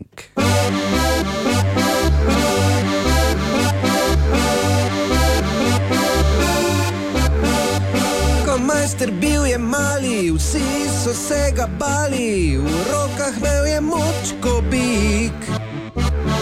Petem pil je pivo, v šestem imel je grivo, v sedmem si prižgal je čik. Spremljal on je modo, v srednjo sploh ni hodo, pri dvajsetih se je nehal brit. En cajt je švecal robo, pol je službo dobo, so delal, ko je hotel vrit. Kdo bi jih lahko preštel. Majster je pač babe imel. Bile so tudi milke, tri so bile čistilke, majster je pač babe imel. Kdo bi jih lahko preštel? Majster je pač babe imel. Bile so tudi milke, tri so bile čistilke, majster je pač babe imel. No, in če je to pomagalo, ne, smo veseli zdaj, če je bilo temu tako. In spet je šel odprtih oči skozi naše mesto, Jaša Lorenčič. Čeprav tokrat se mi zdi, da se bolj odprtih oči vsedo pred televizor. Jaša, dobro jutro. Zdravo. Zdravo, zdravo. Vse vem in vse vemo. Maribor je tak fejslep. Najbolj živo, ampak tudi na TV-ju. Sva je. Tudi v seriji primeri inšpektorja Vrenka na nacionalki. In zdaj v novi drugi sezoni je naš Maribor spet lep. Itak, no pa ne zato, ker se štihajo. Videti je lep, že že, samo slišati pa. Najbrž se na to, kak večinoma govorijo o Vrenku, nikoli ne bomo navadili. Vse načeloma spet ni tak fejs pogubno narobe, ampak stvar bizarne odločitve, češ, dajmo si Maribor malo sposojiti, pa v knjigah se tam dogaja. Sam človek bi predvsem pričakoval, da bomo Mariborčani na ekranih po nekaj letih vseeno nekam prilezli. Tak pa sta bila do zdaj v seriji tista, ki sta najbolj znala tučt po naše, kmet, ki ga je igral Matjaš Javšnik in Kelnar, ki ga je zdaj igral Tarek Rašit. Škoda, da je Kelnar igral tako malo, ker ko mu je ovi tujek vehementno roko gor na ramo naslonil, mu je Kelnar mirno prijavil: Boš dal ti roko dol, pubec, šminkerski. E, ravno tega bi lahko bilo več. To je ena naših lokalnih posebnosti. To je naš argo, ta pubec šminkerski. To je vzorčen primer tako redkega, če se ga še spomnite, kako se mu reče bojda desni prilastek. E, to bi lahko šolah učili. Pubec šminkerski.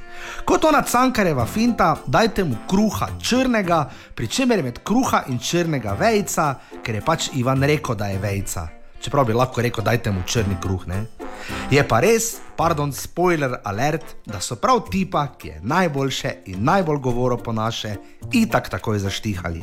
In to od spredi, ne štajersko ikebanasto od zadaj. Pol se pa še čudijo, ko se zbunimo. Ja, samo Maribor. Definitivno.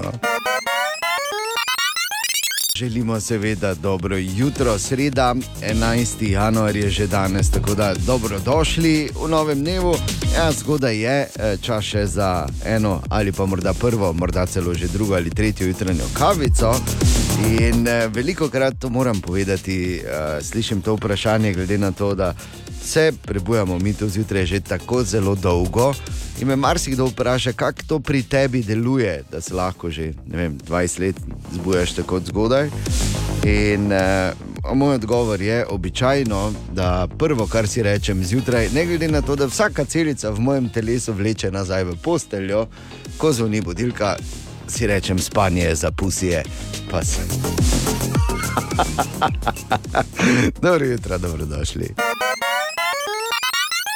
Želimo dobro jutro. Dobro jutro.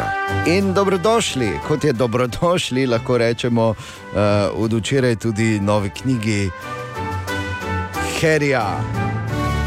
Despair, oziroma samo Spare je naslov te knjige, ki je išla in v Angliji so recimo.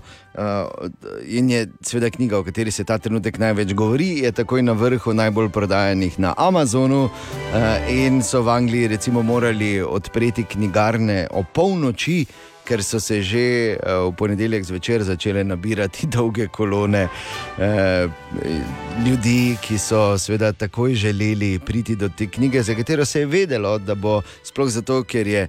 Uh, pod narekovaji, seveda po napaki v Španiji, španska izdaja prišla v knjigarne teden dni prehitro. To so seveda te napake. Ne? Ja, ja. In nekaj, tako, in eh, nekaj, eh, nekaj torej sočnih detajlov je bilo jasnih že prej. V vsakem primeru uh, vemo več, kot bi uh, morali vedeti zdaj o kraljevem obrezovanju. Hvala lepa, Harry. In uh, o tem, kako je uh, izgubil nedolžnost z neko starejšo damo na livadi za gostilno. Zgodba, s katero se eh, lahko poistoveti, verjetno marsikdo. Če že ne starejšo damo, pa z livado za gostilno. Tako da vidite, da ti modre krvi niso nič kaj dosti drugačni od nas, glede, oziroma vse na nekaterih področjih. Je pa Harry skupaj s svojo Megan za pogodbo za štiri knjige, tako vse pravijo, no, naj bi dobil 40 milijonov dolarjev. Pa če k temu dodamo še 100 milijonov, ki sta jih dobila za, uh, za serijo na Netflixu, pa mislim, da okoli 20 milijonov za podcast, ki ga imata na Spotifyju. Dobro sta vnovčila, ne? zelo dobro sta znala vnovčiti vse, kar uh, v sprahnu, ki sta ga uh, uspela dvigniti skupaj z, ali pa je pač to bil splet okoliščin, se vseeno. V Ameriki so recimo naročili 2 milijona in pol uh, tiskanih verzij te knjige in so prepričani, da bo to premalo, da bo kmalo potreben ponatis. Skratka, če te fej zanima, par klikov stran je na Amazonu, mislim, da tudi ne sodi ta trenutek med najdražje knjige, ki jih lahko tam kupiš. Bi jaz rekel, ker upravičeno. Lahko pa se seveda odločiš še za drugo pot, po kateri recimo greva tudi mi dva zborom, in to je, da pač to knjigo preprosto ignoriraš. Čeprav je težko, ne spoznaš španski težko. zdaj, ki je bil Harry, Elos, telos, butragenio, Elos, elos, ta- ojos, ta- ta- los granos, ta- los labios. Mm. La donda mejor. In želimo dobro jutro.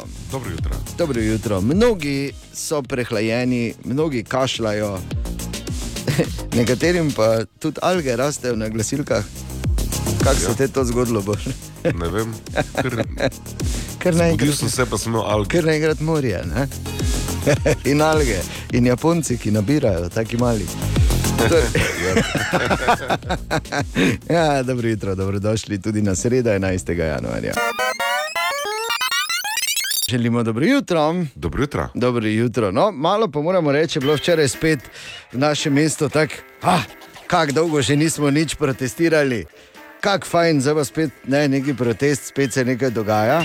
Pak, seveda, tokrat je bil uh, razlog tega um, protesta, uh, da želijo ne mudoma zagotoviti vsem, ki nimajo žal tega dostopa do osebnega zdravnika ali tega. Uh, pravzaprav no, najbolje, da, uh, da Mateja Geder iz glasa ljudstva sama razloži, kaj je bil namen tega protesta včeraj v našem mestu. Namen protesta je, da ljudi ozavestimo, da se v našem zdravstvenem sistemu dogajajo stvari, ki jih ne smemo dopustiti. Izvaja se ne tako prikrita privatizacija zdravstva, ki gre predvsem za interese zdravnikov, zdravniških elit, ne bom rekla vseh, in ukrepi, ki jih sprejema vlada, ki jih predlagajo zdravniki oziroma zdravniški sindikat, zagotovo ne zasledujejo interesov pacijentov in pacijentk. No, tako. Včeraj je na Trg Svobode eh, v Mariboru prišlo okoli 150 ljudi, ki so eh, seveda tam poslušali nekaj govorov in eh, se strinjali in glasno eh, izrekli podporo. Potem pa šli eh, pred eh, zdravstveni dom Adolfa Drolca in eh, neočitno okupirali Lutra, ker so na vrata zalepili svoje zahteve. In, Malo luteransko, ne? Ja, se ti pravim. Ne? In vmes povedali. za pravice vseh ljudi, da imajo enako pravico in možnost dostopa do zdravnika. Meni se zdi katastrofalno, da jaz lahko plačam, pa lahko grem k zdravniku, pa prej, kot pa nekdo, ki te možnosti nima. Sindikat Glosa Ludkovnega gledališča Maribor protestira za obnovo javnega zdravstvenega sistema, za ureditev tega področja in za dostop do zdravnika. Vidimo, da ima ministr za zdravje diametralno nasprotne stališča kot predsednik vlade Golop. Tako da bi za začetek pričakovali, da se domenita, ali bosta strokovnim zahtevam današnjim prisluhnili ali ne. Vemo, da je danes Golop napovedal, da se bo protesta udeležil, medtem ko pa ministr za zdravje nasprotuje tem protestom in tej stavki. Tako da več kot jasno, imamo kolizijo in konflikt v sami vladi. Jaz sem vedno optimist. Zato upam, da bo ta protest pa še kakšen, zato da ne bomo v WHO podpisali dogovora. Pričakujemo, da se bo to čim prej uredilo. Zdi se nam, da je ta vlada temu naklonjena in polagamo vse upe v to, da se to uredi čim prej. No, tako in uh, seveda. Mi tudi, mi tudi. Tako želimo, da bi pač ta, tudi ta protest Maribor včeraj bil uspešen. In v prihodnje nepotreben. Tako, evo. Kaj si lepo povedal, Bor? Škoda, da nisi ja, še ti kaj. V sindikatu glosa. Ja, Ker, pa najmanj. Če si, če si član nekega sindikata, je fajn, da ima neko lepo ime. Zdaj sem ravno razmišljal, ne, glosa ne zveni slabo. Zelo lepo. Ampak eh, še bolje pa bilo, da bi, bi bilo, seveda, da bi podkrepil ti to, pa včeraj bil ti ta, ki, si, ki bi zalepil zahteve na vrata zdravstvenega doma Adolfa Drolca. Veš, da bi te Jaz nič slikali. Pa... proti domu Adolfa Drolca, ne, tam vsi, ki jih poznam, so zelo v redu. Ja, no, pač samo povem. V vsakem primeru to je bilo včeraj v našem mestu. Dobro jutro. Dobro jutro. Ja, včeraj je bila deveta etapa Relija Dakar, od Rijada do Harada, dolga je bila 686 km. Moramo povedati, da je tu presenetil uh, drugi slovenec na Dakarju, Toni Mulec, ki je s svojim motorjem uh, dosegel najboljši slovenski izid na tej izvedbi najtežjega relija na svetu in enim najboljših posamičnih izidov etap v zgodovini slovenskih nastopov na najtežjem eh, reliju. In eh, sprva mu je kazalo celo na višjo uvrstitev, pa so po pregledu eh, in po kaznih eh, njegov rezultati šestega prekvalificirali v osmega, vseeno super rezultat in seveda Tonijo tudi čestitamo. Simon Marčič pa se je tudi dobro spopadel z deveto etapo in uh, uh, je tako povedal po tem, kaj se je dogajalo včeraj. Torej, včerajšnja deveta etapa se je za mene začela kar dobro, moram reči, eh, tudi končala še najboljše do zdaj, eh, glede skupne vrstitve. Svoje razredu sem bil 5-5, žal pa malo grenkega prikusa, ker eh, sem res lahko napadal na začetku. Potem sem pa na koncu ostal brez uh, zadnje zavore, pregrevala se je zgleda tekočina in tako da sem uh, malo popustil, pa sem izgubil uh, eno mesto. Uh, ampak ja, danes je nov dan, danes so te uh, želene sipine, ki sem jih dolgo čakal, ki sem jih dosti treniral, tako da stavim predvsem na danes, da napadem, pa upam, da zlezem, zlezem više. Ne, ta, to, želeni podijum se mi res izmika, tako tak, da je že kar malo smešno včasih, ampak ja, tako pač je, konkurenca je zelo močna in uh, moraš res pritiskati, uh, pa biti uh, solid, res napak. Ja, eh, trenutno je Simon Marčič v svojem razredu Original na šestem mestu, na tretjem mestu pa eh, niti ni tako daleč, ali pa tudi je za tem tretjim mestom, zaostaja ta trenutek za približno tri ure. Ampak kot pravi Simon, Gremo dalje, ne? Jaz se predal sigurno ne bom, moj žilah se pretaka štajerska kri, če še kjer je mogoče nave. Če še kjer je nave, slučajno. Tako, zdaj pa tako na da- sipine. Zdaj pa na sipine, pa če treba, jih bomo pojedli, samo da. tako, da, eh, tako Toni in pa Simon držita se in super rezultat želimo tudi danes na tej deseti etapi. O, Tine! Ja, dobro jutro, Tine. Ja, dobro jutro. Dobro jutro. Ja, dobro jutro. Kakšen glas ste ti? Imaš? če ti pravim, dan zjutraj. Alge imam na glasilkah, je rekel. Danes zjutraj sem kvalificiral ta glas kot Algas. Se zgodi, pa verjetno ni edini v, v teh časih, ko je tavžen prehlado tam zunaj virusa. Se lahko gremo zelo na igro, kaj, kaj je to ti grgrav, ne samo pač. Same napačne odgovore imam, tako da mogoče ne bi šli v tisto smer. In se šli, ne bi se šli te igre, hvala lepa. Vem, da nisi smrečja pil, ne?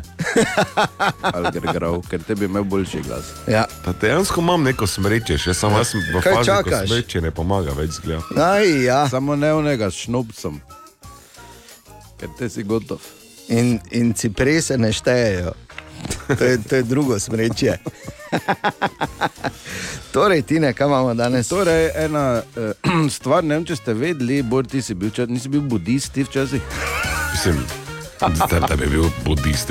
Ja. med vsemi religijami, če bi moral Prijatelj zbrati, si bil samo najbližje. od gospoda Lame.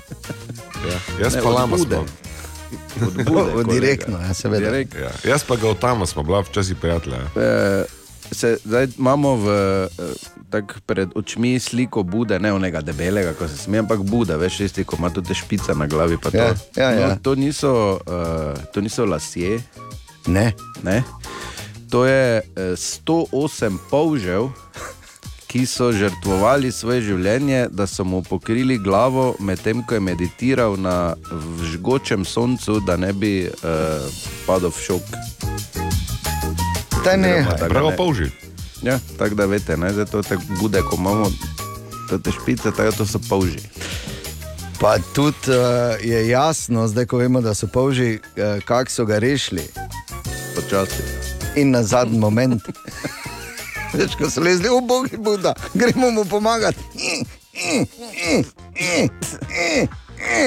Zadnji moment, preden ga je vzel. Polži, bor, torej, veš, pusti ja, smreče. Poslušaj, da pa tako si mislim, ne, da včasih je pač tak, ne, gled, on, kje je poško, človek rabi. To je to, je to, to, to vprašanje tega Kje jutra. je poško, človek rabi. Res je. Tu je vprašanje za Hajfek za danes zjutraj. Samo je pisal na jutraf na radio city.js in tako piše. Zakaj? Slušaš, Bor? Ja. No? Z poslušaš? Če, zakaj poslušaš ali zakaj Ne, on piše? pač, no, preverjam. Ker poslušam zato, ker moram najbolj vprašanje čuti. No, tako. Zakaj je prečkanje Rubikona bilo tako pomembno, da se še danes o tem pogovarjamo? In je ostal ta uh, Cezarjev pregovor, kocka je padla, oziroma alea eacta est. Mislim, okay. Stari dobro. latinec, dejan, hvala. Ni problema.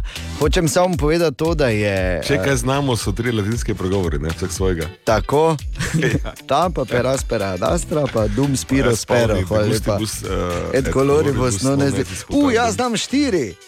Yes! Lepo. Lepo. Ampak zakaj je kocka pomembna? Ne? Ja, uh, in uh, kdo se dejansko o tem pogovarja? Je pa res, da je to Ja, normalno. tudi to je dobro vprašanje. Postal del eh, nekak, uh, pač en tak zanimiv pregovor, ampak zakaj je to pomembno? Samo super vprašanje, odgovor pride ja, v Hajdu. Super, pra, super vprašanje, ker pri, pri tej temi sem se bal vprašanja, kakšna kocka je tam padla. Naprimer. Ja, zagotovo ne Rubikova, čeprav zanimivo. Ne? To je drugi Rubik. ja.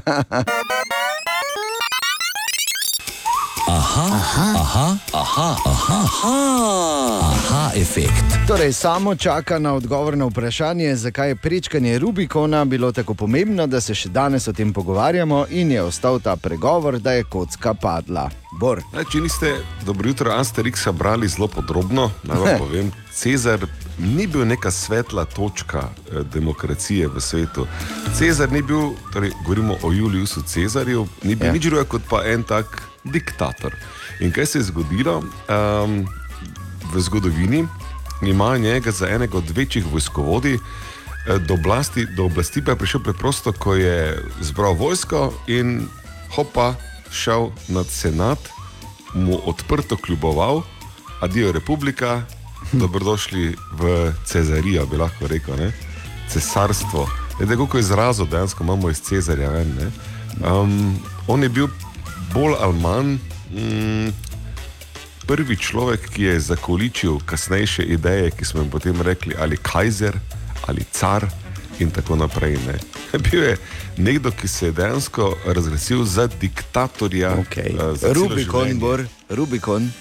Ja, in zdaj, seveda, ker je Cezar tako pomembna osebnost v zgodovini, kaj se je na samem Rubikonu zgodilo, to je bila pač točka, kjer ni bilo več nazaj vrnitve. In ko rečemo v pregovoru, kocka je padla, je dobesedno ne, on z prečkanjem eh, Rubikona jasno napovedal vojno senatu in od tu nazaj več povratka ni bilo, ali bo končal na kolu, ali pa bo senat šel k vragu in vemo, kaj se je zgodilo. Vsaj dokler ga niso zabodli, je bil zelo uspešen diktator. Ja, res je. In zanimivo pa je tudi to, morda uh, je kdo preslišal, ampak uh, kot je Bor ga imenoval Julius Cezar, moče je res končal relativno žalostno, pa ima pa danes optiko na tezno. Ne? Ali tudi vi pogosto totavate v temi? Aha, efekt, da boste vedeli več. Danes po noči so torej podelili 80. zlate globuse, prve filmske nagrade v letu in jasno, da so jih spremljali tudi naši prijatelji na filmologija.si, eh, super portalu za vse filmske navdušence in tudi danes jutraj je tu Nec Fegoš Nec, torej si spremljal globuse. Ja, podeljene so prve nagrade in začelo se je zares. Zlati globusi oznanjajo začetek te sezone podeljevanja nagrad v filmski industriji. In kljub temu, da zgodovinsko gledano niso najboljši napovednik dogajanja na podelitvi Oscarjev, imajo vseeno pomembno mesto v zabavni industriji. 80. podelitev Zlatih globusov je izkristalizirala nekatere favorite, med filmi stopata Fablemanovi Stevena Spielberga in Duše otoka oziroma Banshees of Inisherin, to je režiserja Martina McDonaha. Prvi je slovil v kategoriji drame, drugi v kategoriji komedije ali muzikala. Spielberg je prejel tudi nagrado za režijo, McDonald pa na drugi strani za scenarij. Kot zanimivost je zanimivo vedeti, da Fablemanovi slovenska kino predpremjerno prihajajo prav danes, duše otoka pa čez 14 dni. V igralskih kategorijah večjih presenečenj ni bilo, Colin Farrell za duše otoka in Austin Butler za predstavo v filmu Elvis med moškimi, ter Kate Blanchett v Tar in Michelle Yeoh v Vse posod naenkrat, so pričakovano domov odnesli priznanje za svoje delo. V stranskih vlogah je še en kipec Romov v roke filme Vse posod naenkrat, ki Hui Kwanu, slavila pa je tudi Angela Bassett za predstavo v filmu Črni panter 2 Wakanda za vedno.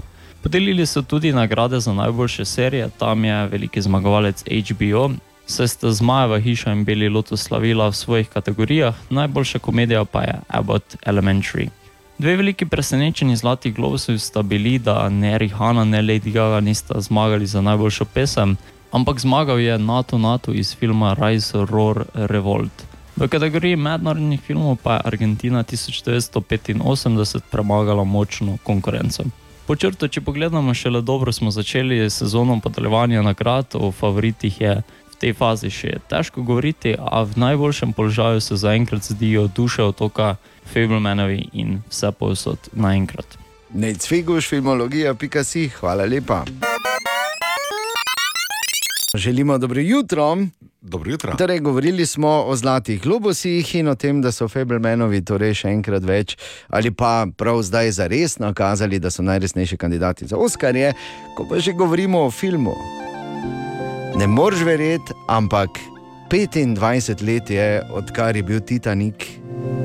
Mislim, ne odkar je bil Titanik, ampak film Titanik. zdaj se- odkar, odkar smo se režali temu, da se nista mogla najti Ja, ja, ja, ja, ja, ja, ja.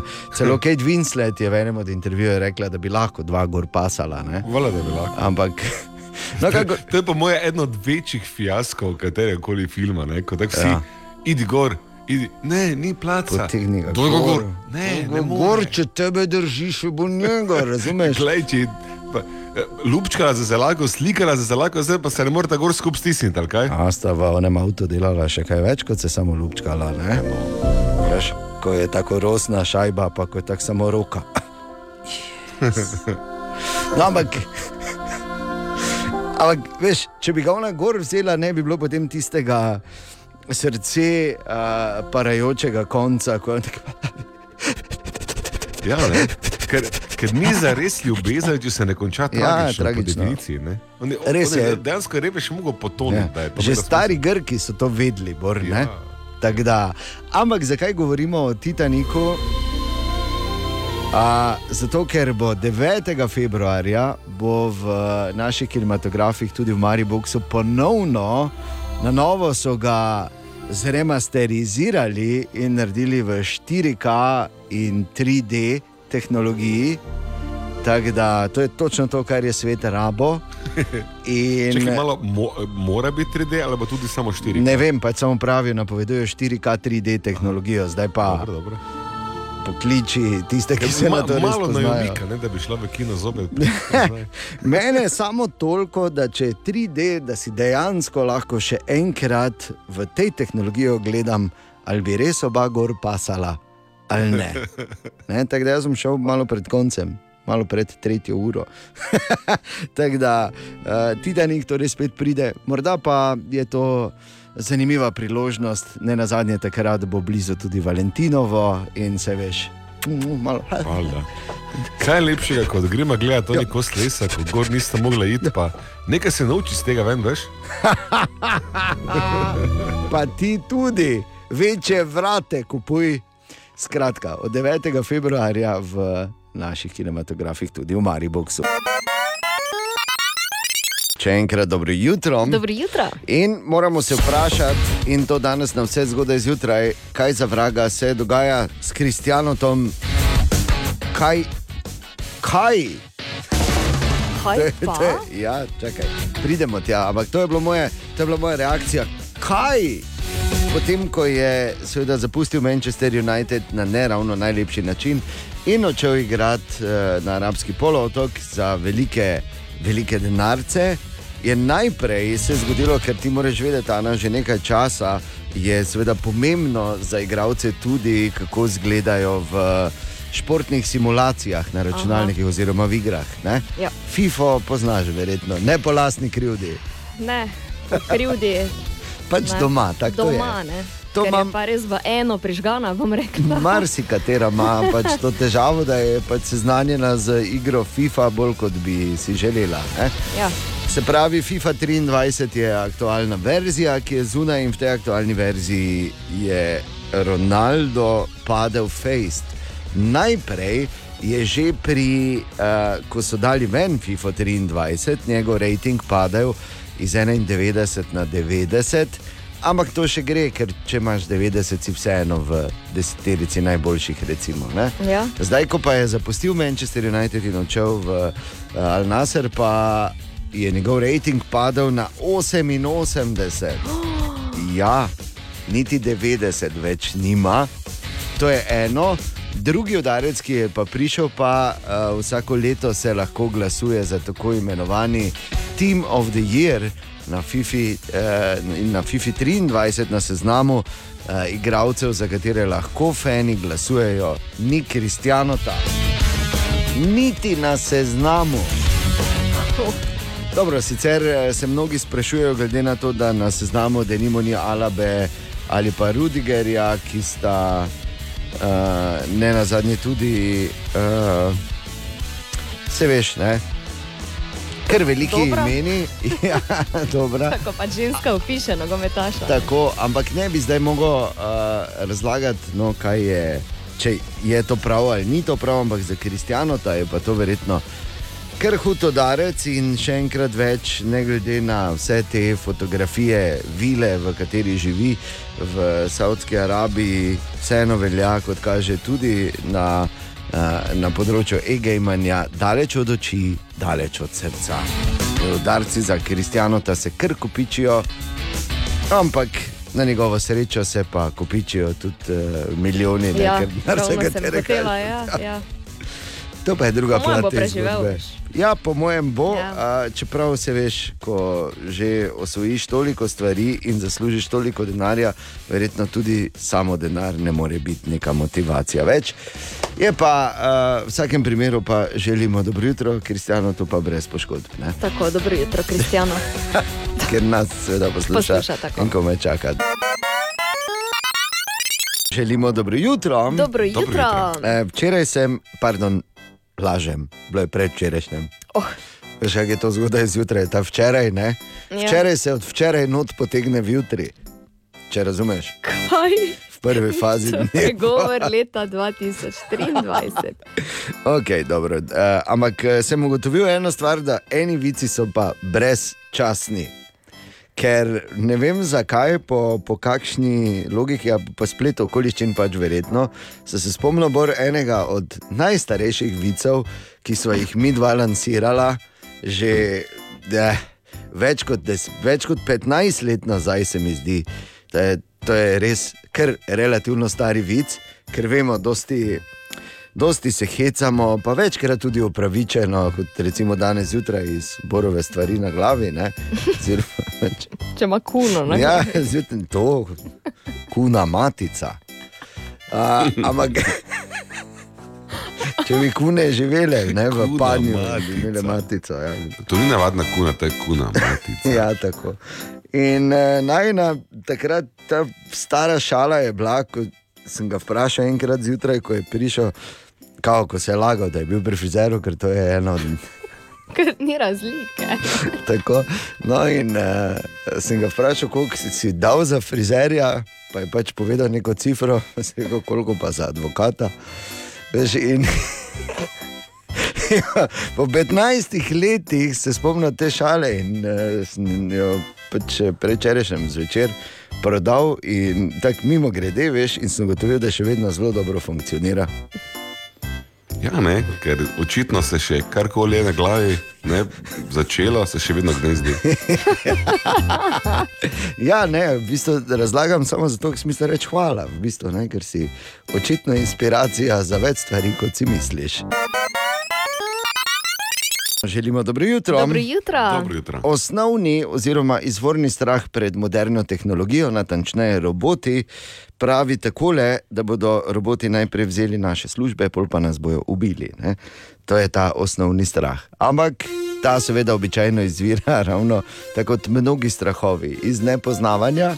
In izjemno veliko koristnega lahko prinese eh, robotizacija, in da smo v Sloveniji že na osnovnošolskem nivoju, na svetovnem, eh, če bi primerjali pač na svetovni ravni, v sami špici. eh, So recimo včeraj potrdili tudi na osnovni šoli Brek na Ptuju, kjer je potekalo prvo mednarodno tekmovanje v robotiki, imenovano Slovenijan Open Vex IQ. Sodelovalo je šest ekip iz Slovenije, Finske, Češke in Polske. In uh, domači ekipi, oziroma domačima ekipama, so se večmesečne priprave z izdelavo robota uh, izplačale, kajti v finalu sta po težkem iz in izenačenem boju zmagali in si tako pazi obe ekipi. Iz Ptujske osnovne šole priboli- priborili možnost sodelovati na svetovnem prvenstvu, ki bo v Ameriki in sicer v Dallasu. Wow. Ja, pa to ti pravim. Ni to kar tako. Kaj pa tujski roboti? Ja, ne, ne tako samo kurenti, tudi roboti. Kurenti, roboti tujski. Ja, Oliver Buček, organizator tega tekmovanja, je razložil, uh, kako v bistvu to sploh poteka. V prvem delu so pripravljalne tekme, kjer se timi med sebojno malo spoznajo, pol pa so skillsi, tam imajo dve obliki tekmovanja, se pravi, eno je avtonomno, kjer programirajo robota, da mora sam opraviti nalogo, eno je pa, da morajo voziti tako, kot, kot ste videli, ne? se pravi, driving skills. E, Potem so kvalifikacije in potem najboljši štirje timi pridejo v finale. Ne? Kar je zanimivo, da morajo uh, otroci iz različnih ekip pravzaprav uh, tekmovati uh, in sodelovati. Pa še ena prednost tega tekmovanja je, da dva tima na poligonu ne tekmujeta en proti drugemu, ampak tekmujeta skupaj. Torej, dobite isto število točk in morajo skupaj sodelovati. Torej, morajo na- najti neko taktiko, strategijo, kako bojo dosegli čim več točk. Pridobijo različne veščine, se pravi, sodelovalno delo, timsko delo, komunikacija, recimo dobijo te, te veščine, kako zgraditi robota za določeno nalogo. Ne? Torej, morajo dobro poznati, kaj je naloga, dobro morajo poznati pravila in potem lahko sestavijo robota na podlagi tega, ki bo to nalogo opravljal. Ne? Ok, in ekipi, ki sta bili zmagovalni, sta bili ekipi Wally in pa Shouting Stars. In Simon iz ekipe Wally je razložil, kako uh, izgledajo priprave na tako tekmovanje. Same priprave na tekmovanje so kar precej dolge. Prvo moraš imeti sploh robota, torej, to, je, to ti vzame tako dva meseca, potem pa lahko začneš že trenirati. ne? da ne bi slučajno začeli trenirati brez robota. Pa recimo Hanna iz skupine Shouting Stars je razložila, kako je to s tem sodelovanjem z drugo ekipo na poligonu, kot smo slišali, da, uh, da, da je pač treba tekmovati. To sodelujemo, predtem se z ekipo dobimo, potem povemo, kako taktiko imamo mi, povejo, kakšno taktiko imajo oni, in potem najdemo sku- skupaj način, da dobimo čim več točk. In um, potem se nam točke skupaj seštejejo od vseh tekem, da dobimo poprečje. Tako, Erin iz ekipe voli tudi o tem, kako so sestavljali svojega robota. V bistvu mi smo začeli s tem, da smo sestavili osnovnega robota po navodilih, um, potem pa smo ga začeli nadgrajevati in smo si ogledali ideje na spletu in vse pač uporabili najboljše in nekako združili uh, v našega robota.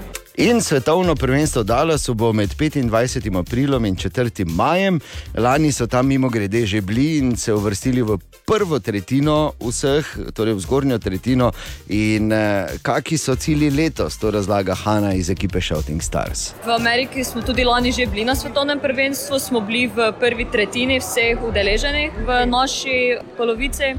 Bomo pa toto leto poskušali uh, to ponovno ponoviti in bomo se udeležili torej, svetovnega prvenstva v Ameriki. Tako. In seveda bomo mi držali pesti in spremljali, kako bo šlo osnovnošolkam in osnovnošolcem iz osnovne šole Breg na Ptuju, ki jim je torej uspel ta uh, fenomenalen uspeh in gredo že drugič v Ameriko. Pravzaprav. To je eno, po drugi strani pa bo, ko bomo iskala robota za karkoli. Ne bomo se obračala Korejcem in Japoncem. Seveda ne. Na Ptuju imaš šla, gledaj, Na 20 Ptuj. minut stran pa taka robotizacija. Ja, tako. Uh, veš, uh, Ana, ven sem te na, namenoma uh, spustil, zato ker pri hojicah, pa to veš, tu najbolj rabiš Ja, robota. najprej.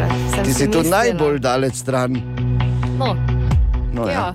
Res je, jutri vseeno bo Ana 30. ne? daj mir. Tako da še enkrat čestitke no, na osnovno šolo Breg na Ptuju in vse dobro in držimo pesti za svetovno v Dallasu. Ena od treh, treh, treh. Jutranji sprehod po zgodovini popularne glasbe. Danes je 12. januar in danes praznuje 27. rojstni dan Ella Henderson. Rojena na današnji dan leta 1996, kakšne mlade pa pojejo, ne Ana? Pa res. Take mlade. rada, da me toliko. pikata. Res. To- Je To nekaj se menijo. Skratka, Ja. Ella Henderson je stara danes 27 in uh, veš, to je ta generacija. Če rečeš, da je stara 27, Je na robe, ampak dobro. Ja, glej, ja, 27 je danes, ok. In eh, to je ta generacija pevk in pevcev, ki so praktično skoraj vsi začeli kariero v enem od teh šovov z iskanjem talentov. Ne? Tako je bilo tudi z Elo Henderson. Pred desetimi leti točno je bila na uh, britanskem X Factorju in bila na koncu šesta, čeprav so uh, vsi govorili, da bo, da bo ziger zmagala. Uh, imata pa z Elo Henderson bolj nekaj skupnega. In sicer ja, od obeh, ne, ne to, ona lepo poje. Ja. Ti poješ relativno točno, samo to ne Jaz pomeni pojem- nujno lepo. Glej, jaz pojem, ona poje lepo, skupaj lepo pojemo. kaj? Dobro. Ja, ok. To je to. Uh, ne, skupno imata to, da je vaj najljubši film Mala morska deklica. Oziroma, Ariela. ja, ja? Ariela. Ja. Torej, Ela ima Arielo rada in tudi, ah, ups, ne bi smel povedati. Ne? Ampak Ela Henderson tudi uh, je izjemno, izjemno priljubljena med DJ-ji, ki jo vsi po vrsti kličejo za sodelovanje in pravzaprav so vsi ti, vse te skladbe, ki jih naredijo skupaj, kasneje hiti, kot je bilo to sodelovanje z Offenbachom v hitu Hurricane.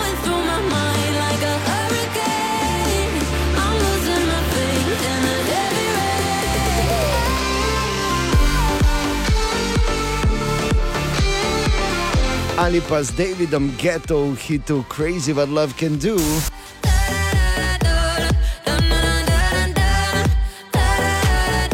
Ja, točno Ella Henderson je bila ta, ki je pela. In tako dalje. Pa recimo s Kajgom v hitu Here for You.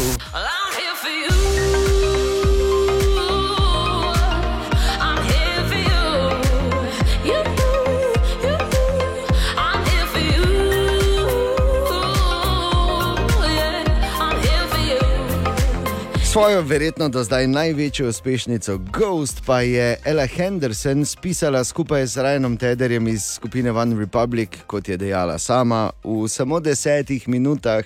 Na to so jo posneli in postala je velik hit. To je hit Ghost in ob 27. rojstnem dnevu Ella Henderson danes zjutraj. Narečja so zakon. Ha, kva, koga, kaj? Ma ne razumem.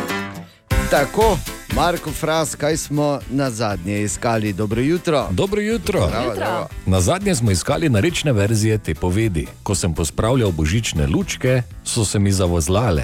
Bog daj, jako zubr, že to je prinos, potem rečemo tako. Kdo sem pospravljal luči od kojke, so se zadrgnile v božjo mater. En Marko iz Razkežja, mi pa temu rečemo tako. Da sem pospravil božične lučke, so se mi vse spozamotale. Zdravo, jaz sem Metka iz Slovengraca in stavek v našem narečju oziroma v okoliškem narečju bi izgledal približno takole. Ko sem božične lučke dodevala, so se mi skop zakumplale. Pozdravljeni, sem Sandra z Ormoža, pri nas pa se v narečju ta stavek približno glasi, da sem pospravljala smreko, so se mi ličke zabatale. Bog daj, Timotej tu, zgodovinec, kdo sem pospravil božične leči, so se mi zaostale. In še nekaj povedi z Facebooka. Ko sem pospravljal božične lučke, so se mi zaficlale. Ko sem pospravljal božične lučke, so se zvezlale ali pa zvezlale. Ko sem spravljala kuvošek, si se je vse zavojzlalo. Dere sem liči od Betlehema do Jemola, so se v kup zadrgnile. In ko sem pospravljala božične lučke, so se mi zapinčlale. V tem tednu pa iščemo narečne verzije te povedi. V breg je gonil kot nor. Kaj pravite vi trije? Zadržek, vode kapanje in vse svetček. Ja, pravim, enkrat smo to provali, pa je res je gono kot ni šlo. Kaj rečete na teznu? Ana? Ko zmešanje v breg gono. Ko zmešane. Ne, pa- ko zmešan. A, ko zmešan. Mislim, lahko bi kako gršo besedo tudi uporabili. ja, Ampak smo le medine. ja, tako je. Hoče, da ne bi. A, Uh, je samo da je od spreši nekaj. Ja, Ja, hvala, tako. Po mojem, noben ni vedel, kaj točno mislim. Breg je gonil kot čuknjen. Ne? Ja. Prismuknjen, samo da ni. okay. Ampak eh, seveda ostaja še eno vprašanje v zraku in sicer. Samo malo, veš, kaj reče, da idemo v hramu? Ha? Ja, ne reče, da je tam je tako Ja, ne, ker to pač je, kam se obrne še breg. Ne? Pri nas je to torek, uh, poleti. Uh, ampak, uh, Marko, o, ostaja odprto, kaj smo to bili s tvoje strani označeni v stari prekmurščini. Zadržek je ovira ali prepreka, vode kapanje je slab, vse svetček pa je november. Ok. okay. Uh, tako da. Tudi mi imamo tebe radi, Marko. Res je. In uh, želimo ti in vsem četrtek brez zadržkov. To smo se zdaj naučili. Nareče so zakon, vse skozi na naših družbenih omrežjih. Ha, koga? Ma ne razumem. Narečja so zakon. O, Tine! Dobro jutro, Tine. Dobro jutro. Dobro jutro. Zdravo. Dobro jutro. O, Grajner, veš, da so mi naredili tu kamero, da te vidim. Ja. Kaj, res? Ja, v klopi. Samo vidim, res je, kako gleda. Moče. Eh, Ne, zdaj te bo skorigiral, da imaš mikrofon pred obrazom. Poslušaj. Ja, Marko. ena samo stvar pri kameri. ne. Oh. Torej, kamera mora biti nekaj tak v višini tvojega čela, če že ne oči. Pa ni dobro, da si ti samo v spodnji tretjini, noter ne na sliki. Kaj mislim, da se pornaš malo, centriraš. Enkrat mu je en režiser rekel, da mora paziti na headroom. In zdaj je. Jaz eh, imam to te kamere, da Dobro tebe vidim, ne da ti mene gledaš. Jaz mislim, da on tebe rad gleda. Sploh pa je tak kam. Ne? No, evo tak zaglej. V redu. Ja, ja, zelo lepo. Zdaj, ko te gledam, ti moram reči, da tvoja leva stran je v bistvu tvoja dobra stran. Tvoja desna pa bo zatečena, ko se ta vidi. Bi pa samo, uh, ker sem zjutraj slišal te pogovore uh, o borovi frizuri. Ja, si slišal, ja. Vidim, kam so hrvaške kune šle. Ima. Tako zgleda, so se bolj zavlekle kot Čuj, kaj to ti stipe tvoja, kak me že ime? Je podražil? Ali kak je že pozabil? Martin. Martin. Martin ja. Dobro jutro na Ugljan, ne Boru Martin. Je podražil ti? Dragi brat Martin Guardiol, izvini, Tine još nije bio na ugljenu, tako da ne znam. Okay, Dobro, daj mir. Pa tudi No, ti mislim, počasi več ne boš. Če, to me, če mi dela mednarodni Če ti je incident, podražil, ali je, ali je samo ena ena spremenil, ker Kar bi bilo logično, glede na to, da mu še tri leta nisi plačal. Ne. De, dejansko bo zanimivo, ker lani, če se spomnite, smo delali primerja, primerjavo, pa ugotovili, da so cene bile kar iste. Ne? Ko V Sloveniji pa na Hrvaškem ni bilo neke sile. Zdaj, po moje, znamo imeti tisti slovenski efekt, ko je kava kar naenkrat bila pol Ja. dražja pri nas. ne. Ja. Ja, tako. Ja. Kar sem jim jaz napovedal lani poleti, pa so rekli, da se ne bo zgodilo. Ampak dobro, pustimo. Tako da imam, v, imam na lageru, ko grem letos dol, pol, tu imate zdaj. Pa si bom sabo nesel en par bar kafeja, tako včasih z debele berte riž, pa pariško pa to, pa vse. pa radensko. Tako, pa ko bom našel plastično, ful dobro uro noter, bom jo nosil in ne bom nobenemu dal. Tak. Ok. Tine. E, torej, pazi to, ne, ker vemo, da človeško telo je zanimivo, eh, zanimiv eh, zelo. Sestav eh, vsega živega in sicer če bi. Je res lep stavek, ti ne. Že nisem mogel besedo. Človeško telo je zanimiv Sestav vsega pa to. Vsega pa to. Dobro, ja. In ta sestav vsega pa to. Je Zgodaj, ne. Ja. Če bi eh, vsaka mišica v telesu v isto smer lahko vlekla, ne? Ja. Torej, vse mišice v eno bi lahko 25 ton dvignili. Daj nehaj. Res. Zanimiv se stav človeško Zanimiv telo. sestav je Pa tudi človeško telo vsega pa to. Da bi 25 lahko, vsega pa to. Jaz pa si dam 12 v roko, pa si tako. To je pa to, veš, ko pravijo, da ima Bog smisel za ironijo. Ne? Ja, pa je Boro frizura naredil. Lej, samo malo, da. Zahvalil bi se da tebi, Tina, da si dregnil v to noter, zdaj sem odlotil dobo sporočilo. Meni je Martin ponudil letos nižjo ceno. Odloti. Tu je vprašanje za efekt za danes zjutraj. In sicer sprašuje Sandy, zakaj imamo na zobčani nož za kruh, za meso, eh, recimo pa ravnega in ostrega. Ja. Malo. Zakaj je za kruh raglasti? Ja, tako, Aha, zakaj je ok. žagica ne? in zakaj za meso uh, ravno oziroma ostro. Ja, se tudi to ne raglasti, je oste. Ne? Če si kdaj že malo mimo kruha. Ti ne, kaj si mislil mu povedati? Ne, hotel sem samo reči, da je eh, bistveno boljše gre za raglastim, tudi paradajz rezati kot za Ja. ravnim. Mhm. Pa, ko si recimo prerežeš žemljico, če ne pade, se tudi bistveno bolj vrežeš z raglastim ja. Kot z onim ravnim. Da, ja. hm. Ampak eh, dobro, odgovor pride v high efektu. Z nekaj sreče, seveda, ne? če ne bo Bora loti. Ja, samo, kaj, lahko enkrat provam jaz, gledaj. V nadaljevanju high effect. Kakšna je fizika za raglasti množimo v primerjavi Mm. z ravnim, ki je oster, ker je raglasti tudi in pazite, kaj najbolje reže paradajz. Aha, aha, aha, aha, aha, aha, aha efekt. In v high efektu bo odgovarjal na vprašanje Sandija, ki ga zanima, zakaj imamo na zobčan nož za kruh, za meso pa ravne in ostre. In potem je Tine preletel z dodatnim vprašanjem, zakaj paradajz boljše reže na zobčenje, ja. po njegovo, seveda. Ne? Ja, mislim, da je ja, kar res. Vse to res. Ja, se zdi, da je kar odvisno od paradižnika, ne? ker gremo najbolj počasi. Na zobčen nož ima dodaten pritisk na uh, vsakem zobcu na vrhu ne? uh -huh. in reže hitreje kot paravni nož, ampak ne tako ravno precizno, tako čisto. Dobro. Zdaj, ravni noži najboljše režejo, ko lahko potisneš oziroma pritisneš medtem, ko režeš. Medtem ko na zobčan nož pa najbolje reže, ko ti zak, ne, ko žagaš. žagaš. hitro vlečeš. Ko žagaš. žagaš. Ko zg zg.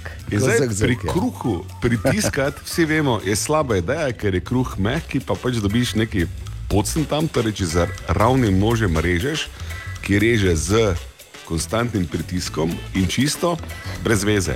Imaš zelo ravno odrezan kos kruha, lahko če si dober z ravnim nožem. Ja, pa pol, če imaš en dan star beli kruh, ti razpade. Ne? Ja, Če ampak je to žagice. čista katastrofa, seveda, Ja. zato je nazobčen nož boljši za kruhe. Tak, tak, in gre skozi. Ne, ravno čisti res, ampak zelo učinkovit in nič ne zmučkam. In paradižnik, ja, če je paradižnik trd, kot kamen, naprimer, ne, tudi taki paradižnik, ki smo že videli v življenju, je ravni nož seveda boljši. Lahko pritisneš, gladko dežeš, hvala lepa srečno. Če pa je paradižnik, to je kot paradižnik mora biti mehek, sočen, ne še gnili, ampak sigurno ne več zeleni, pa, pa je nazobčen nož tudi tukaj boljše, da ker ne, vlečemo, žagamo, pak, pak, pak, pak, in opa, dobimo lepo res paradižnika. Ki ni čisto tako uh, precizen, kot bi bil za ravnim nožem, ampak je pa ni zmučkan, ni tam ena luža. Pa, Veš, kaj bi Recimo, samo te vprašal, ker to bi zdaj bil na, na to tvojo uh, debato Ekspertizo oziroma analizo, nožih. anamnezo rezanja paradižnika, bi bil normalen mariborski, uh, uh, mariborska reakcija na to, kar si rekel, žena doma vidi, kaj še, trdi paradajz ali ga poštar nosi. Mislim, kot kamen, ne? Ali tudi vi pogosto totavate v temi? Aha, efekt, da boste vedeli več. Dobro jutro. Dobro jutro. Dobro jutro. Vsi smo gledali, babica gre na jug, menda, ne? Absolutno. Kaj, Bor Bor? molči. Jaz imam DVD doma. Verjetno sem, ja. Original. Ja. Torej, dobrih 30 let nazaj, leta 1992, je Vinci Volkančlovar torej, lansiral izjemno popularno Babico gre na jug, in zdaj, dobra 30 letja kasneje, dedek gre na jug. Včeraj je bila premjera v Mariboku in tudi uh, en, uh, glavni ustvarjalci tega filma. So bili tam in seveda smo izkoristili priložnost, da recimo režiserja Vinčija vprašamo, ali, ne, da vemo, preden gremo gledati, je dedek gre na jug povezan s filmom Babica gre na jug ali gre za ločeno zgodbo. Ne, čist druga zgodba. Je pa hecen, da je uh, v bistvu ta film ne imel naslova, ampak potem je Marko Pigac, vaš uh, slavni fotograf, rekel, da če dede gre na jug in pa se je to parjel. Aha. Ok, tako da v bistvu. Hvala, hvala, le, je v bistvu hvala lepa. Hvala, Marko, Leti- da si. Marko rešil. Zdaj nam že dolgo iščemo naslov, da bi če. Ne, ne iščeva. Tak naslov je pa res, da se uh, očitno Marko in uh, Vinči seveda poznate, ne na zadnje Marko tudi igral v enem od njegovih ne tako uspešnih, Zdaj moram je reči, najbolj filmov. vampir na svetu. ne, Ja, zgorjancev. S tem plaščem, nekaj Ja, ja, drugače. Super. Bi pa Ja, ja, samo evo. rekel to, da je izjemno v tem filmu ponovno odigrala Zala Đurič, ki uh, seveda še enkrat več dokazuje, da je zagotovo uh, ena od bodočih velikih zvezdnic. Slovenskega filma, pa tudi televizije. No, in uh, zalo smo vprašali, v bistvu, kako je bilo igrati, oziroma iti v to neko nadaljevanje tega legendarnega filma Babica gre na jug, torej Dede gre na jug. Ali so bili kakšni pritiski? Ma, jaz sem kar v svoje čevlje stopala, nisem si tega bremena nakopavala, da bi z egom pristopala k tej vlogi. Um, tudi soigravci so mi dali takoj vedeti, da smo tukaj zato, da se igramo in so ustvarjamo in kreiramo skupaj, in sem se počutila zelo varno. Tako je povedala Zala. Uh, sta pa v tem filmu tudi dva velikana slovenskega igralstva in sicer Boris Kavaca in pa nekdani prvak drame SNG. Vlado Novak, Vlado je seveda bil uh, tudi v Mariboku včeraj in uh, dejstvo je, da kot taka dva težko kategornika igrata skupaj, je to nekaj posebnega. Pa Boris je super, mi dva sva kolega že. No, no, odkar vem za teater, se poznamo in to je. Kar nekajkrat sva že sodelovala in tokrat mi je bilo seveda prav posebno veselje. Imela sva dve glavni vlogi, v bistvu so bila skozi skupaj. Ne?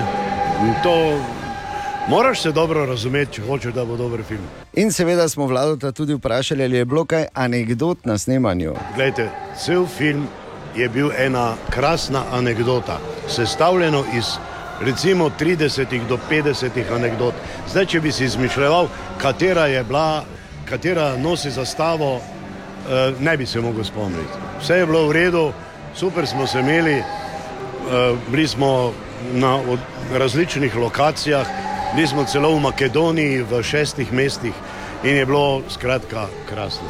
No, super. In ta rezultat je seveda viden tudi na filmskem platnu. Obiskovalci po ogledu. Film je fantastičen, upam, da bo uspel tako, kot je babica gre na jug. Tako da vsem, od mladih do starejših, eh, vsem priporočamo ogled. Super, odlično. Predo, predo. Dober. No, tudi zanimivo. Mi je všeč igralka Zala Đureč. Odličen po pričakovanjih.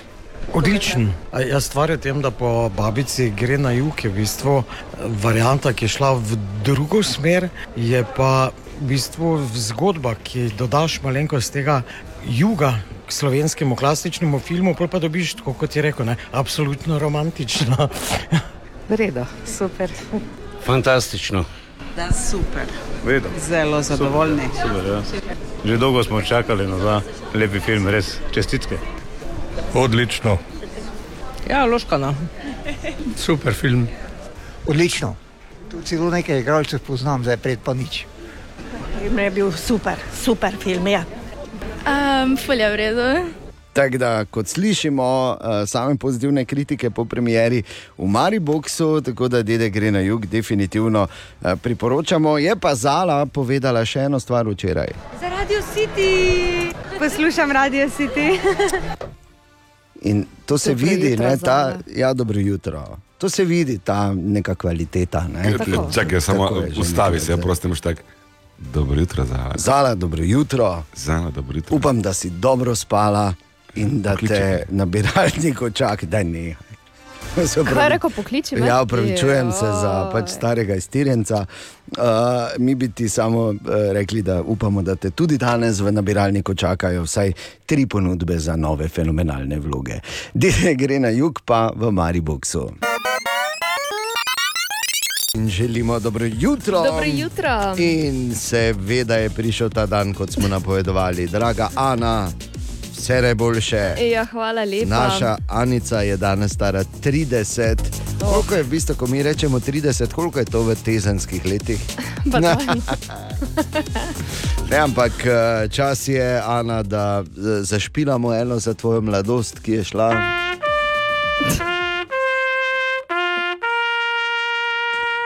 Eh, pa da. Seveda, Anini mladosti. V spomin. Ja, te se veseli. Ja, in ti si. Vidiš, in je, tam je zdaj. Ne? Hvala lepa. Dobrodošla med starimi. O, hvala. Ana je 30. Želimo dobro jutro. Dobro jutro. In če slučajno veš, se danes človek zbudi, da kaj te tako po ciperesah, pa je bela cesta. Je, Tako jo. neko, veš, ko, ko, po, Že vem, kam. Ja, po, po tistem, Kuža, ko, taco moli. po vonju gozda, po zgodnjem pomladnem dežju, veš, ko se podrast namoči, ne, prvič za res. Puh, ne, veš, to, ko je staro okoli, je staro okoli. Ana je danes eh, namreč stara 30, sprema čestitke Kaj, na servisu bi? 211. Uh, Tega in toliko krat. Seveda ti želimo zakomplicirati življenje, to pač moraš čutiti. da vsi vejo, da imaš ti danes rojstni dan in to okrogli. Ampak eh, ob Aninem rojstnem dnevu so se recimo potrudili tudi, tako vsaj danes zjutraj lahko rečemo, člani skupine YouTube. O, Ki so, rekli, ja, ki so rekli, da bodo izdali po dolgem, dolgem času nov album, in sicer to je zdaj ta uradna novica. In ko YouTube rečejo, da bodo dali nov album, je to seveda uh, za pač popularno eh, sceno, ne samo glasbo, velika novica. In sicer uh, bodo izdali kar štirikratni album z 40 na novo posnetimi uh, najljubšimi pesmimi od vsakega od članov. Imenovalo, imenoval se bo YouTube Songs of Surrender. Kako lepo ime, ne? Ja, res. Poetično ime. In izšel bo 17. marca. Uh, in sicer v različnih verzijah, in naj bi torej bil to Uh, pa še en tak izdelek, predvsem za fene. Uh, ne pričakujemo gor veliko nekega novega materiala, pač pa kot smo rekli, oziroma kot so sami povedali, uh, 40 njihovih največjih hitov, ampak narejenih nekoliko drugače. Čeprav se mi zdi, da nekateri njihovi so absolutno popolni in bi jih težko naredili drugače. No, ampak nekaj so mi morali za rojstni dan. Ne. Ja, Veš, se to je to. Nekaj ne. so se pač, Ja. zdaj, če niso imeli ravno ne, materijala, so pač rekli, da je Ana je 30. Tako. Ne?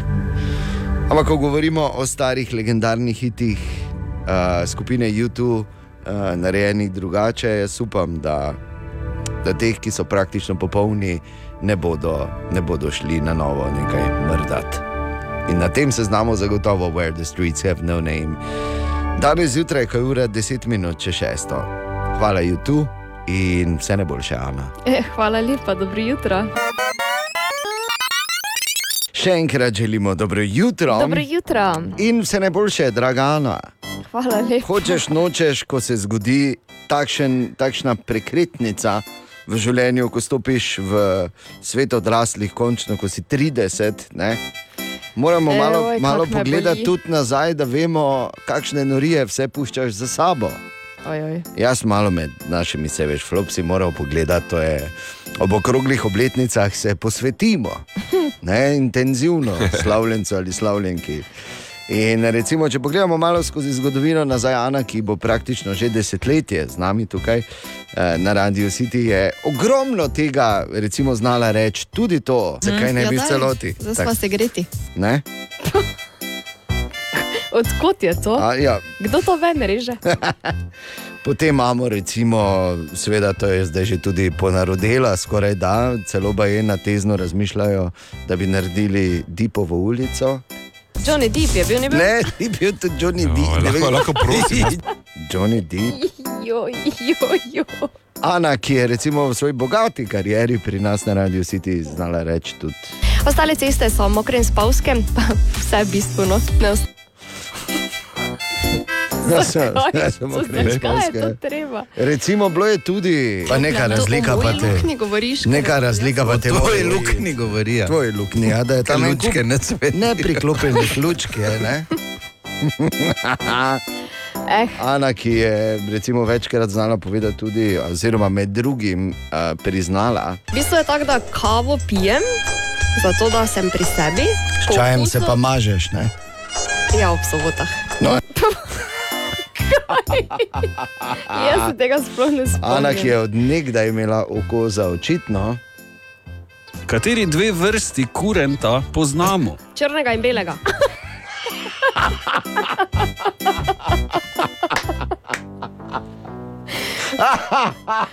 o, tu sem bila pod pritiskom, ker so, me, ja, so mi stali za hrbtom. Ja, katerega črnega in belega. Ja, no. Je, v bistvu so ptujski bahaloški, ne, ampak dobro.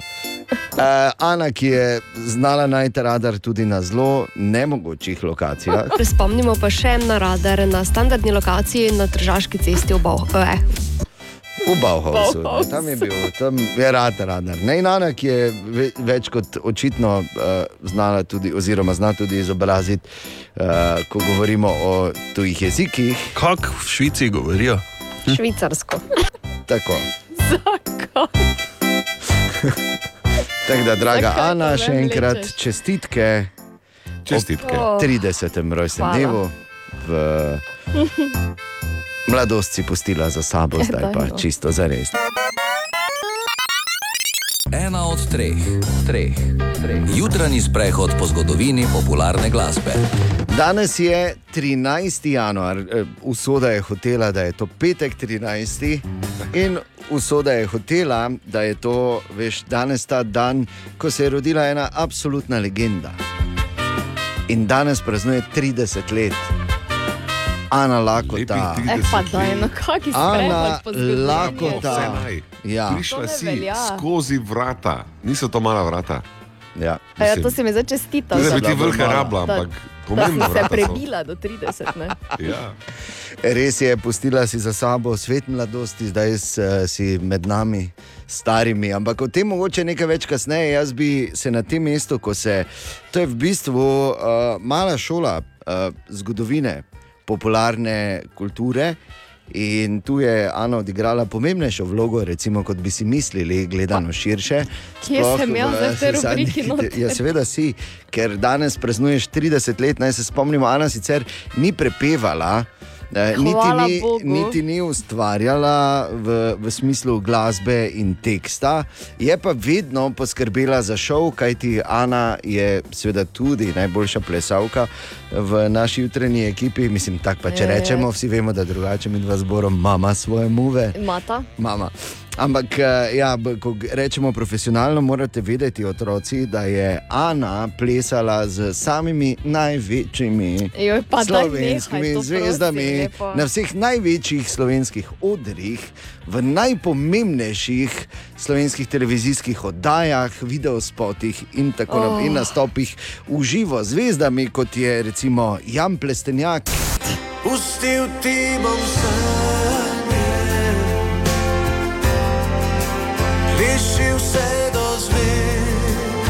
Taki je pel, pleši vse do zvest.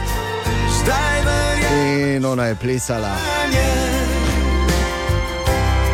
Ali pa denimo je Ana eh, plesala tudi ob nastopih ali je.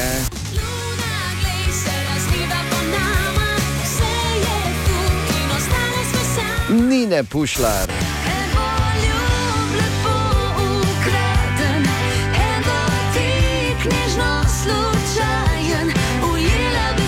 Ampak pri uh, nikomor bolj intenzivno in z večjim srcem kot pri Sebastianu.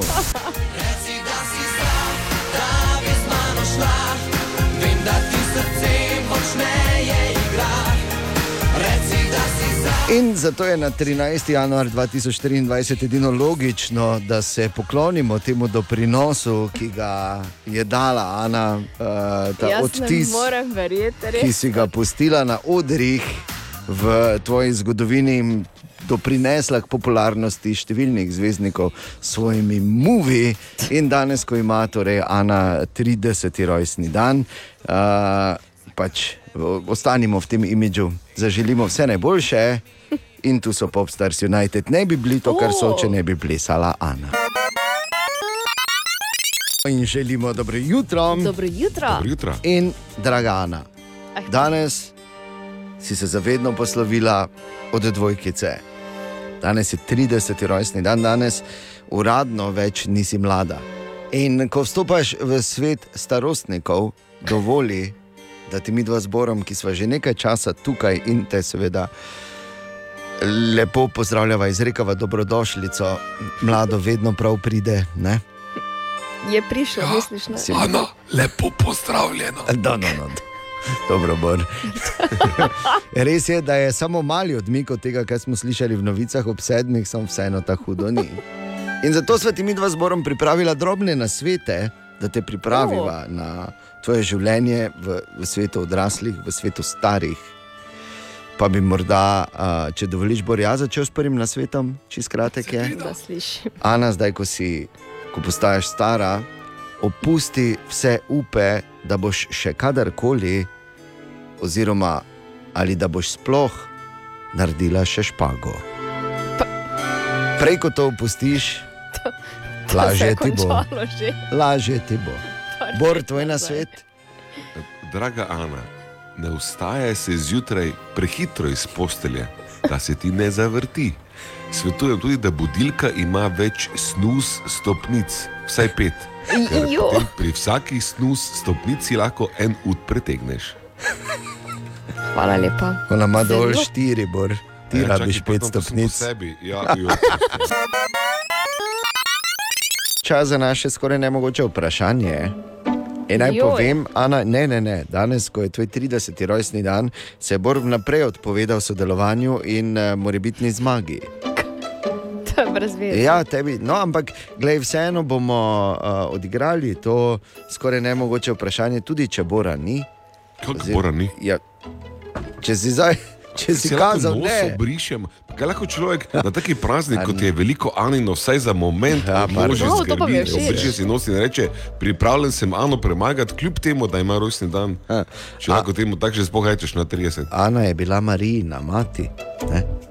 Dobro, zdaj mogoče ne bi v neke pos... In uh, zdaj mi je to tudi jasno, ker je v Framu je crkva posvečena sveti Ani ne? In je tam pevski zbor, fanti svete Ane. Zdaj mi je dosti stvari bolj jasno, zdaj ko si 30. Ker ti veš, da si mi zdaj oči odprl, da sem čist pozabil na to preprosto ja. golo zgodovinsko dejstvo. vem, vem, pa zraven sem bil praktično. Tako. Ti si bil ta sveti duh, ne, ker, si, ker si odnegdaj znal napalamuditi. torej, pardon, se upravičujem, ne V bi tu žaljeni, kot samo Ne, hec. Pač so dejstva. Ja. A, skoraj ne mogoče vprašanje tudi danes na sloni na eni statistiki iz Evropske unije.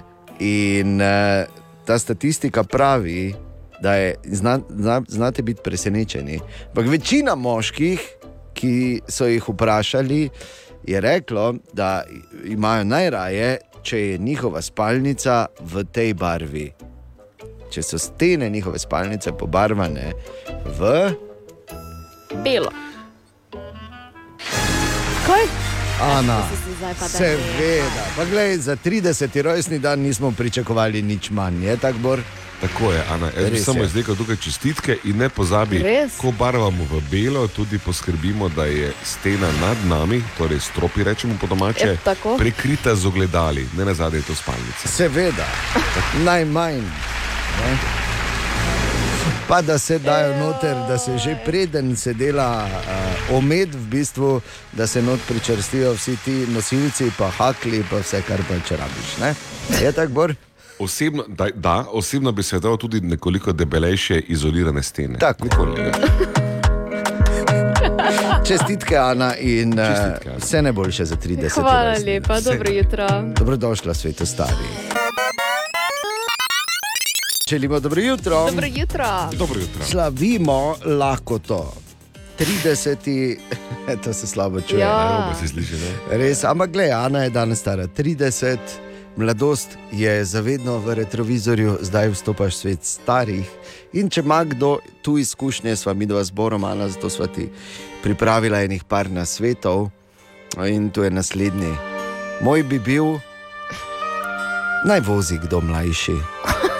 Ali pa vsaj kdo, ki je bolj pri sebi.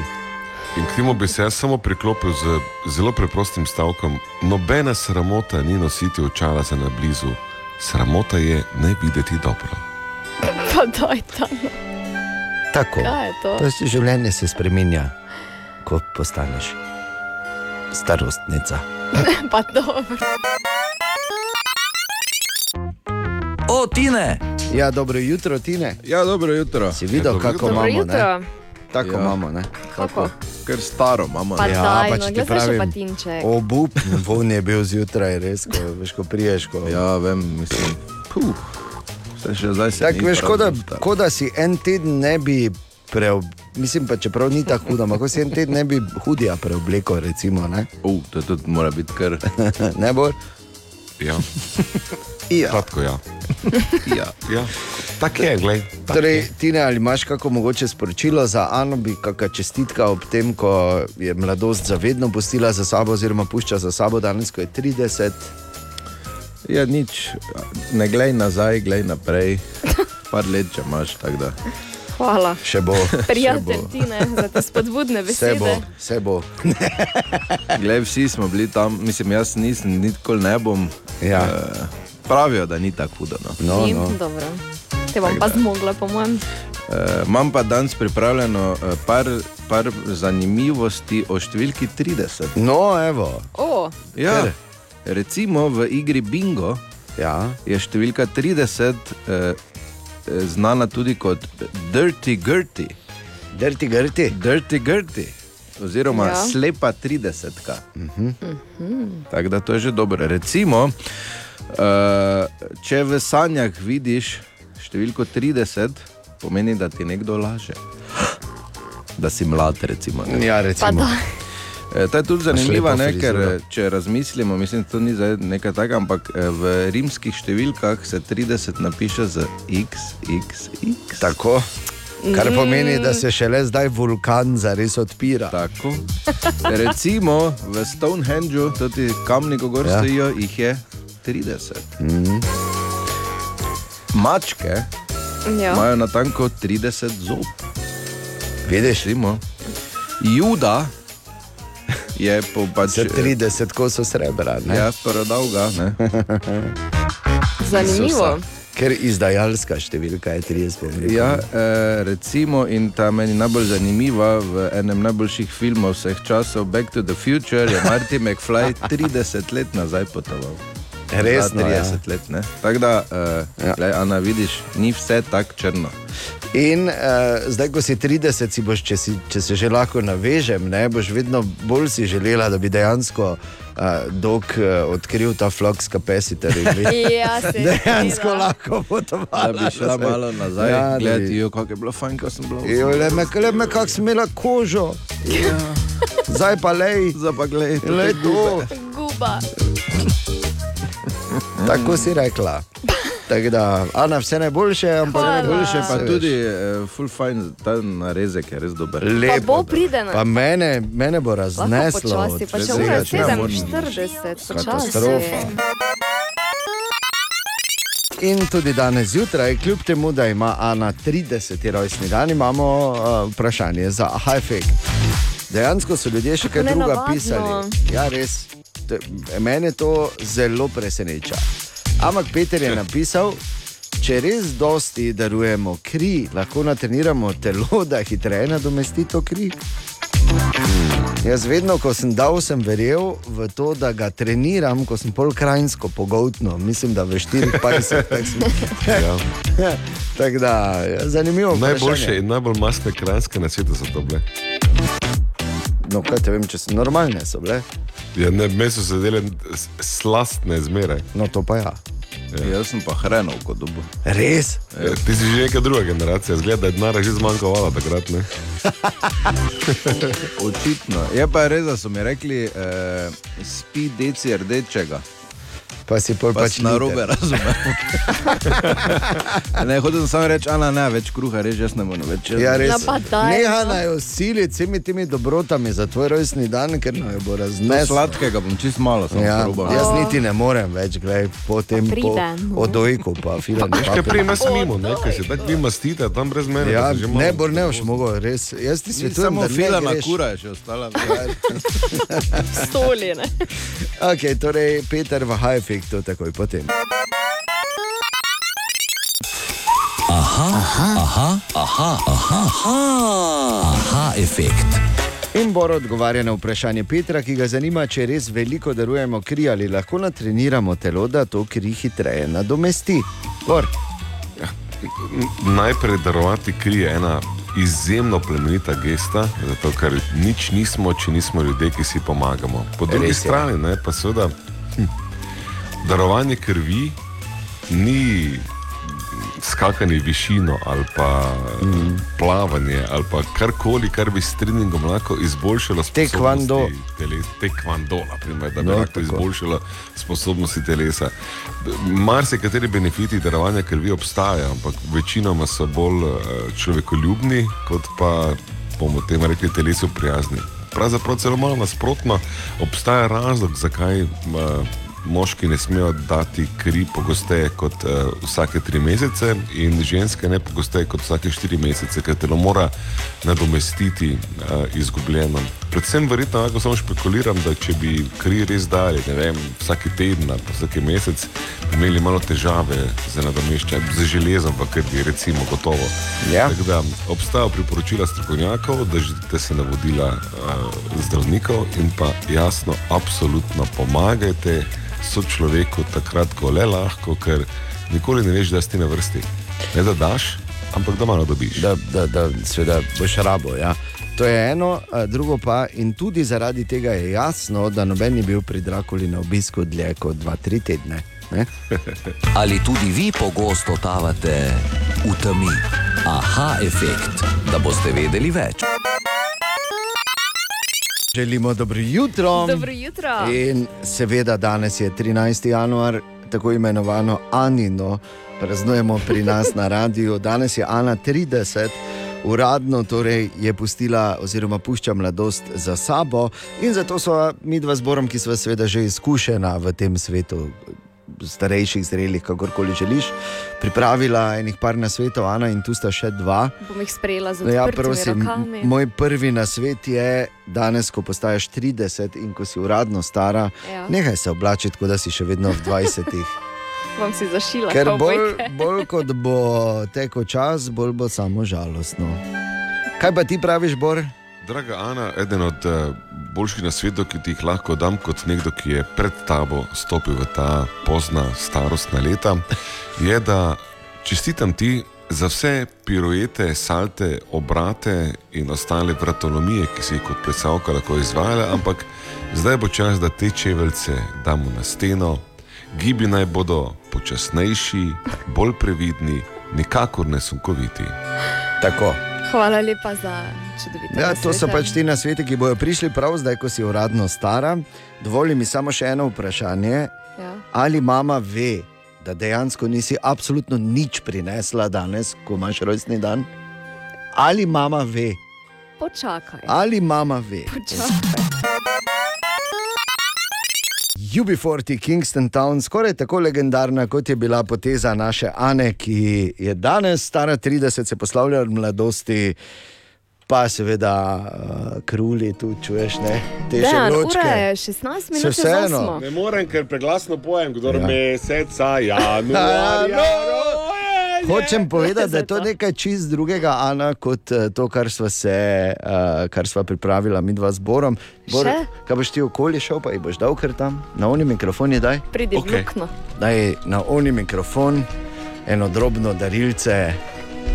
Gledarile. Ja, seveda. Potrudili smo se tudi malo zavili. Ne? Pa zdaj, če se bi sprašvali, kaj to, to so že To zvončki. so zvončki. Veš? Ja, ja. Okay. Te si jih prepoznala? Čakaj, zdaj dalje povemo. Ne? Ja, pa glej, kako bomo sadili. Ja, pa, bomo. Ker vi morate vedeti, da uh, Ana ima dejansko največji vrt med vsemi v jutranji ekipi. A ja. Ja. Rekel, eh, najti pink rokavice, kaj je tvoja priljubljena barva, ne, je teže, Ker kot si težko, mislite. Ja, vem. Tako da bi se ja, na tem pa, mestu, Glej, čakaj, se mena imam. Mi dva tudi lepo. In greva skozi. In ne. greva. Ja. Paradižnik. Paradižnik, ne, ja. paprika, ja. Lepo. rume, Rumene rumene bučke. bučke, A, ja, tega še pa rumene. niste Ko? imeli. Mene podolgovate, vidiš to dolžino, gled, gled, gled. Čudovita. Bi Oh. samo rekel, da bi se na tem mestu zahvalil prijaznim uh, gospem in prodajalkam in strokovnjakinjam v Kaliji. Zelje, Tako da, skratka, razumete. cvetlični vrt. Ja. ja, pa poglej. Oh, No, vidiš, kaj smo. Škarice ja. za obrezovanje. Škarice je model Mihajla. Pa, kaj si nor? Ja, malo smo se Ja, vrnili. Zace, strošek, če gremo, nismo hoteli kupiti, ne vem, da bi z imeli model. Janezom rezala. Ne? Težko rečem za ime, ampak Mihajla je, vemo, da to pšitne, kot se je škali Ja, za. hvala lepa, kako prijazno. Z veseljem, Ana, z veseljem, ti samo lepo sadi in morda, a hkrati seveda je tam tudi nenapisana želja oziroma skrušeno spoznanje, da tako kot si danes ful prenesla za rojstni dan, tako že dve leti vabiš na piknik, da tega ne bomo nikoli videli in doživeli, ampak ti želimo, da ti lepo raste. Jaz mislim, da smo dozoreli letos. za Ja, seveda, tako je vsako leto se začne na točno isti način. Zakaj bi bilo letos drugače? Najlepša hvala. fanta. Nikaj. Še enkrat več je odprtih oči skozi naše mesto, šel Jaša Lorenčič. Jaša, kaj si tokrat opazil? Zdravo. Servus. Maribor je vsake toliko mesto, kjer na, rabite Wikipedije. O ne, ker mi smo zvedavo, brihtno, poznavalsko mesto. Oja, mi vemo iz glave. Tak zadnjič leti gor komat skupine Šankrok. Balada, klavirska, metul, mislim da. Pa pade ocena, da kak je klavir na suho posnet. Da se vidi, da pač ni bil profi koncertni klavir, kaj se pač menimo, ne? Pa se za šankom zajeten tip zasuka in zine. Ne, to je klarič kurt, klavir špilo. In tip je zdrdral še model klavirja. Ker gre v tem primeru za velenski bend, ni zadaj preletela tista klasična mariborska. Ona, ja, vse jo poznamo. kak te tega na veš, kak te tega na poznaš. To ni zgolj retorično vprašanje, ker je za vprašanjem sva tuji klicaj. Saj se zalotite, kdaj ne, da razlagate o filmu, klubu, osebi, dogodku, pa se ovemu sanja ne o čem govorite. In se zgodi šok. Pa daj, kak te tega, kak te to tega na poznaš. V tem smo, vse se bomo strinjali, mari borčani kar posebni, ne? Ojštri. Ker vemo pa, kak je, če gremo kam drugam po domovini. Recimo, kaj pa vem, da ste vidri. Pa poveste, da ste iz Maribora, no poveste, saj itak se nas že čuje, ne? In pol pade. A veš, jaz pa poznam Luko iz Maribora, a se poznata? Ja, ja, sveda, itak da ne. Ampak bistvo je druge. Oni vprašajo tako nežno, naivno, nedolžno. Mogoče poznaš, si že slišal, more biti. Pa mi, eh, mi pa tega ne znamo, ni šans. Kak znamo mi? Ja, kana veš, kana poznaš? Mogoče pa ravno zato toliko vemo, iz glave. Ja, samo Maribor. Tako. Dobra, mali in stari. Podcast jutranje ekipe.